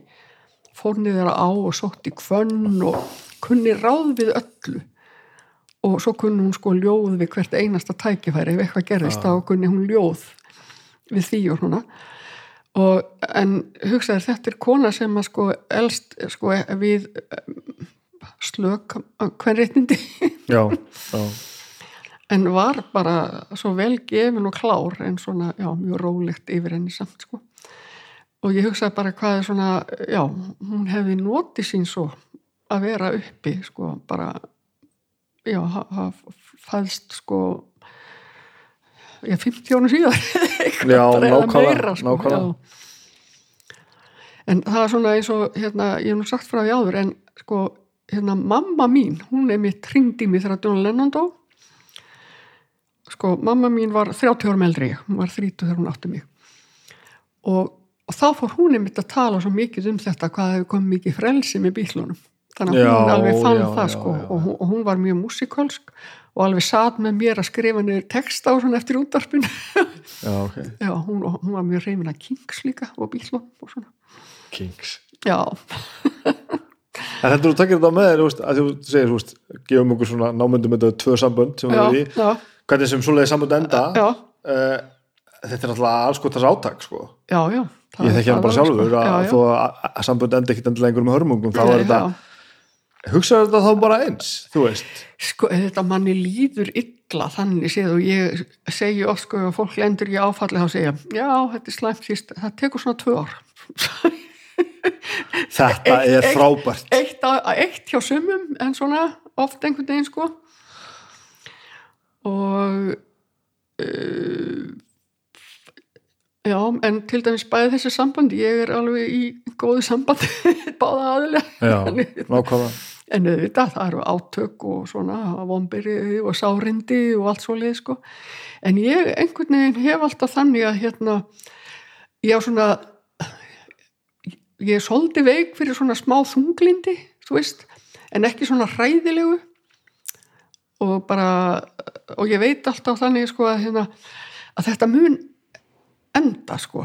Að ég veit alveg, þetta tekur bara smá tíma þetta er bara einhvern veginn eitthvað sem að það þarf bara að þrauka en það, þú veist, það er ekkit endalust og ég einhvern veginn, ég leifi mér aldrei eða ég er bara ekki þannig ég gerða að ég sé mjög, ég, er bjart sín Já, og hérna já, og ég læt ekki eiðilegja fyrir mér til dæmis, já, eins og ég var að segja annað sko að já, það hefur svona komið upp taldi mikið dópvandamál í familjunni en sem að núna er svona, já, í góðum farvegi og var búið að vera mjög slemt og ég hef einhvern veginn alltaf trú þó að líti illa út ég hef alltaf trú að því að það verði betra. En áhyggjur á móti. Jú, þær eru alveg miklar en einhvern veginn ég, ég hef einhverja ró í mér og svona seglu sem ég fer alltaf í gegnum og mér finnst bara einhvern veginn að maður bara má ekki leifa sér að trú einhverjum hörmungum. Maður skal gegnum þetta. Hvort, sem, sem að það er astni eða hestur fyrir gerunni sko. Þú trúir í, að þú þarfst át- átökin og mögulega einhverja sorg og eitthvað. Þú, þú trúir í að þetta já. hafi bara sinn feril já, og svo, já það, það bara, já. Og það er mjög slæmt að hugsa svona eitthvað endanlegt. Það er náttúrulega bara, lífið er náttúrulega endalist framhald. Mm í einhverju mynd. En svo ef að hlutinir enda svo bara illa tekur þetta þá bara þaðan og þá tekur það bara hennan tíma en veistu það einhvern veginn sko að ég verð ekki að segja bara 7, 9, 13 Mm. það hefur ekkert enda svona, jú, ég veit að hef mist þú veist uh, fólk úr veikindu með einhverju slíku sko. En það einhvern veginn bara þannig er bara lífið og það er bara maður verður að lifa í einhvers konar sátt við það að hérna að, að þetta verður búið. Og ég held einhvern veginn maður er kannski, það er all, all, flestir hrættir kannski við að deyja en ég held einhvern veginn að þá er manni gefið eitthvað, manni verður bara gladur yfir því. Eða ekki gladur, heldur maður alveg bara þá finnst manni kannski bara komið nóg en það er náttúrulega ræðilegt þeirri klift, klift á líf ung, ungra manneski og allt svoleiði sko. En ég held að manni hlottnist einhvers konar æðruleysi þó ég viti ekki sjálf og ég ætla ekki að fara að deyja strax já, bara 17 hérna það er mjög mikið langlífi föðurættinni en hérna já ég já sem betur fyrir þá er ég bara einhvern veginn þannig með einhvern veginn þannig svona skap, fædd með skap og bjart síni það sem er samt að lýsa þetta með að hérna, að þú segir að þú hafir ekki lent í neinu. Eða svo, kannski ekki þannig, nei, mér finnst það ekki. En það ekki fólk lifir bara hræðilegar hörmungar og dýnur yfir því bara hvað annað. En, en, að- en það er enga síður þannig að, að stundum hittir maður fólk sem að sko annar aðeins hefur sko mist eitthvað sko ske- skelfilega kannski nákomið sér sko befur börnin sín Já, sko. börnin sín sem er bara alveg Náttúrulega- bara óhugsandi sko. og svo er mannskjaf hliðin á þeim sem hefur sko mist köttin sín. Já, og hefur miklu herru um það. Já, og þú veist, já. tekur einhvern veginn þannig á málum. Já, já, og, og í fyrsta lega er náttúrulega fárulegt að, leggja þetta tventa að jöfnu sem ég, og ég er náttúrulega bara að segja Já, já. koma með einhver svona tilbúin dæmi. Já, já, en er þetta ekki miklu meira spurningum hvernig þú horfir á hlutina sko? Því að ég get alveg trúaði Mm. að fólk sem missi gældur í sitt og er bara ekki á góðum stað í lífinu eða er rétt já. líði bara í alvörinni jafn skelfilega og manneskinu sem að misti barnið sitt getur komið, komið, komið sér sko út úr því með, með réttum já. þannig að veist, er þetta alltaf spurningum í hverju við lendum? Er þetta ekki spurningum hvernig við gerum það líka? Og líka kannski, þannig að líka við um samband og samband og sambandslít.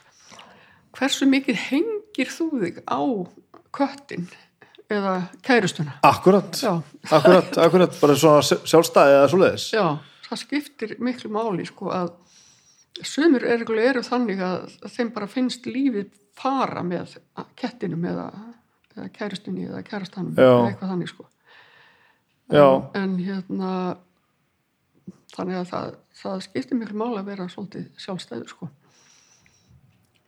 og hérna já og eiga eigi líf.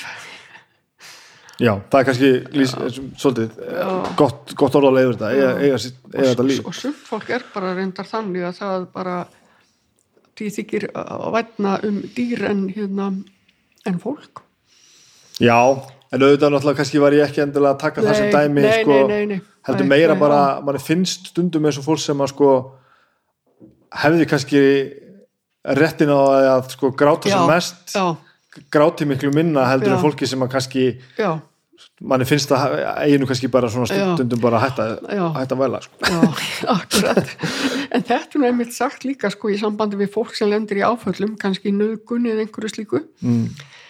að sko sumir nefn lenda kannski í hryllilegri nöðgun heldur en hinn en kannski er sko uh, upplöfin hjá öðrum einhvern veginn sko sterkar, jafnvel svo það er sá sem að lendir kannski í hvað getur maður sagt það er erfitt að segja minni nöðgun nöðgun er náttúrulega nöðgun sko. ég skil hvað átt við sko. Þannig að sko sumt fólk er bara viðkvæmara en annað það er nú bara einfallega þannig og þarf minna til að brjóta það Já, og þannig að það er svona erfitt að mæla sásöka kannski au- hlut, auðvitað, sko. auðvitað er það þannig, sko. já. En eins og ég er, að er fattar svolítið á, á því að tala við því núna, þess að ekki, þetta er ekki bara spurning hverju sterkari og ekki sterkari, heldur þetta er líka bara spurning um þessa svona heldar afstöðu til hluta já, já, mm. mjög heillandi sem þetta að segja bara já, þetta er drullu skýt sko. en það er ekki þar með sagt að allt sé búið nei, akkurat það er mjög, ég held að ég, ég er ekki frá því að ég sé ég hugsi þetta svolítið svona líka sko. Ég sé þetta ekki alveg að vera svolítið segur í þessu sko mm. og það er alltaf eitthvað það er það er framhald, það er Þú- fólk sjáu það kannski ekki í bíli þá er framhald. Og þú veist aldrei þú átt, þú átt kannski eftir að hitta þú sért búin að vera já, í sambandið eitthvað svolítið sko. Þú veist ekkert nema að þú hi- hittir einhvern og, og eigi besta samband við einhvern þegar þú ert orðin 70 ára eða eitthvað. Nei, nákvæmlega. Hérna, en að vísu finnst mér hérna um, fólk einhvern veginn eða mjög margir sem leggja rosalega mikið upp úr því að vera í svona ástarsambandið einhverju slíku. Mm, það er bara bráð fínt að vera bara einn. Já, já ég er náttúrulega ekki einn í á, á barnabönd og vini og allt svoleið sko. En guð hvað ég myndi ekki nenn að fá einhvern heim til mín og segja mér að geisladiska bunkarnir með ekki vera þarna á gólfinu. Mæ ég vil frekar bunkana mína já, já já, og auðvitað skiljum að það já, já, og veist, ég, ég, upp, ég held að allir upplifa þetta Já, hvernig já. degi Já, sem er í já. sambandi bara, já, já, þú veist alltaf meðleikunum málum Já. en auðvitað farið fullt á móti sko. já. að ég segi það allavega ég, auðvitað, já, já, en ég segi ég náttúrulega er líka bara orðin þannig að ég bara er bara ánað að hafa þetta eins og, eins og ég er sko bara, algjörlega það er það ekki einmitt fjandasmáli sko. Já. ég er allavega búin að læra nú mikið til þess að ef ég, ég, ég er ekki til í að vera í skýtsæmilegu sambandi. Nei, nei, annarkvæmt þarf þetta bara að vera almennlegt og frábært sem já. að ég er svo heppin að að það er svolítið hjá okkur Já. en er búið að vinna fyrir því og við pössum vel saman og við erum heppin og allt saman. og, eða bara og búin að ekki sko. svona slípast. Já, búið að nutta alveg hell, fullt á hotnum á, skilur og það er bara búið, gott. búið að tækla allan anskotan, sko. En ég finna eftir þessa vinnu alla Já, saman og já. hvar ég er. Ég var ekki til í að vera í sambandi sem er bara svona, nei, já, einmitt já, ó hvað ég er að eðlika margt fyrir mörgum sem er að hlusta núna. Þetta var frábært aldrei Mikið var þetta gaman. Já bara sömuleiðis. Mm, Takk fyrir að tala um mig. Já, bara takk sömuleiðis og fallegt hérna hjá þér. Mm. Takk fyrir það. Svolítið grár sjórin hann núna. Slætti núna. Já, hér er örgulega mjög oft fallegt í kvöldsólinni, getið ímynda mér. Já, já, þegar modnana já, hérna það er rosalega gott að koma Já. hérna óklæddur fram og Já, klóra sér og horfa inn út það er já, frábært. já, já, já, var- já þú ert ekkert, þú þarft ekkert gardínur. Það er, hér, er bara ekkert. Hér er reyndar, eru allir íbúður höfubókarsvæðis sem ákveða að hreyfa sig einhverstað annar stað heldur inn í, í líkasættastöðum já, já, já Hér auðvitað, hjóla já, og labba allir. Já, ég skil, já, já og það er reynda þannig að þú kemur labbandi til stígnum þannig og horfir hér inn já, þá sérðu hvað ég er að horfa á í sjónvarpinu. Já, þannig að ég þyrti nú sannlega gardinur þú aðeins en okkur er svolítið mikið sama sko. Er, ég sé alltaf að vandamál eh, þess er sem horfir inn. Það er ekki þitt vandamál það er þú nefnilega svolítið þannig sko. já, já, ég ætla að leifa að ég verða þannig. Já, þetta er mjög fallegt. Þetta er mjög gott. Já, já, já, já. Takk aftur um mig. Takk innilega og bara já, ég fer og les uh, hana textan stóru ástina, já, láttum við vita hvernig þetta var. takk. Takk fyrir.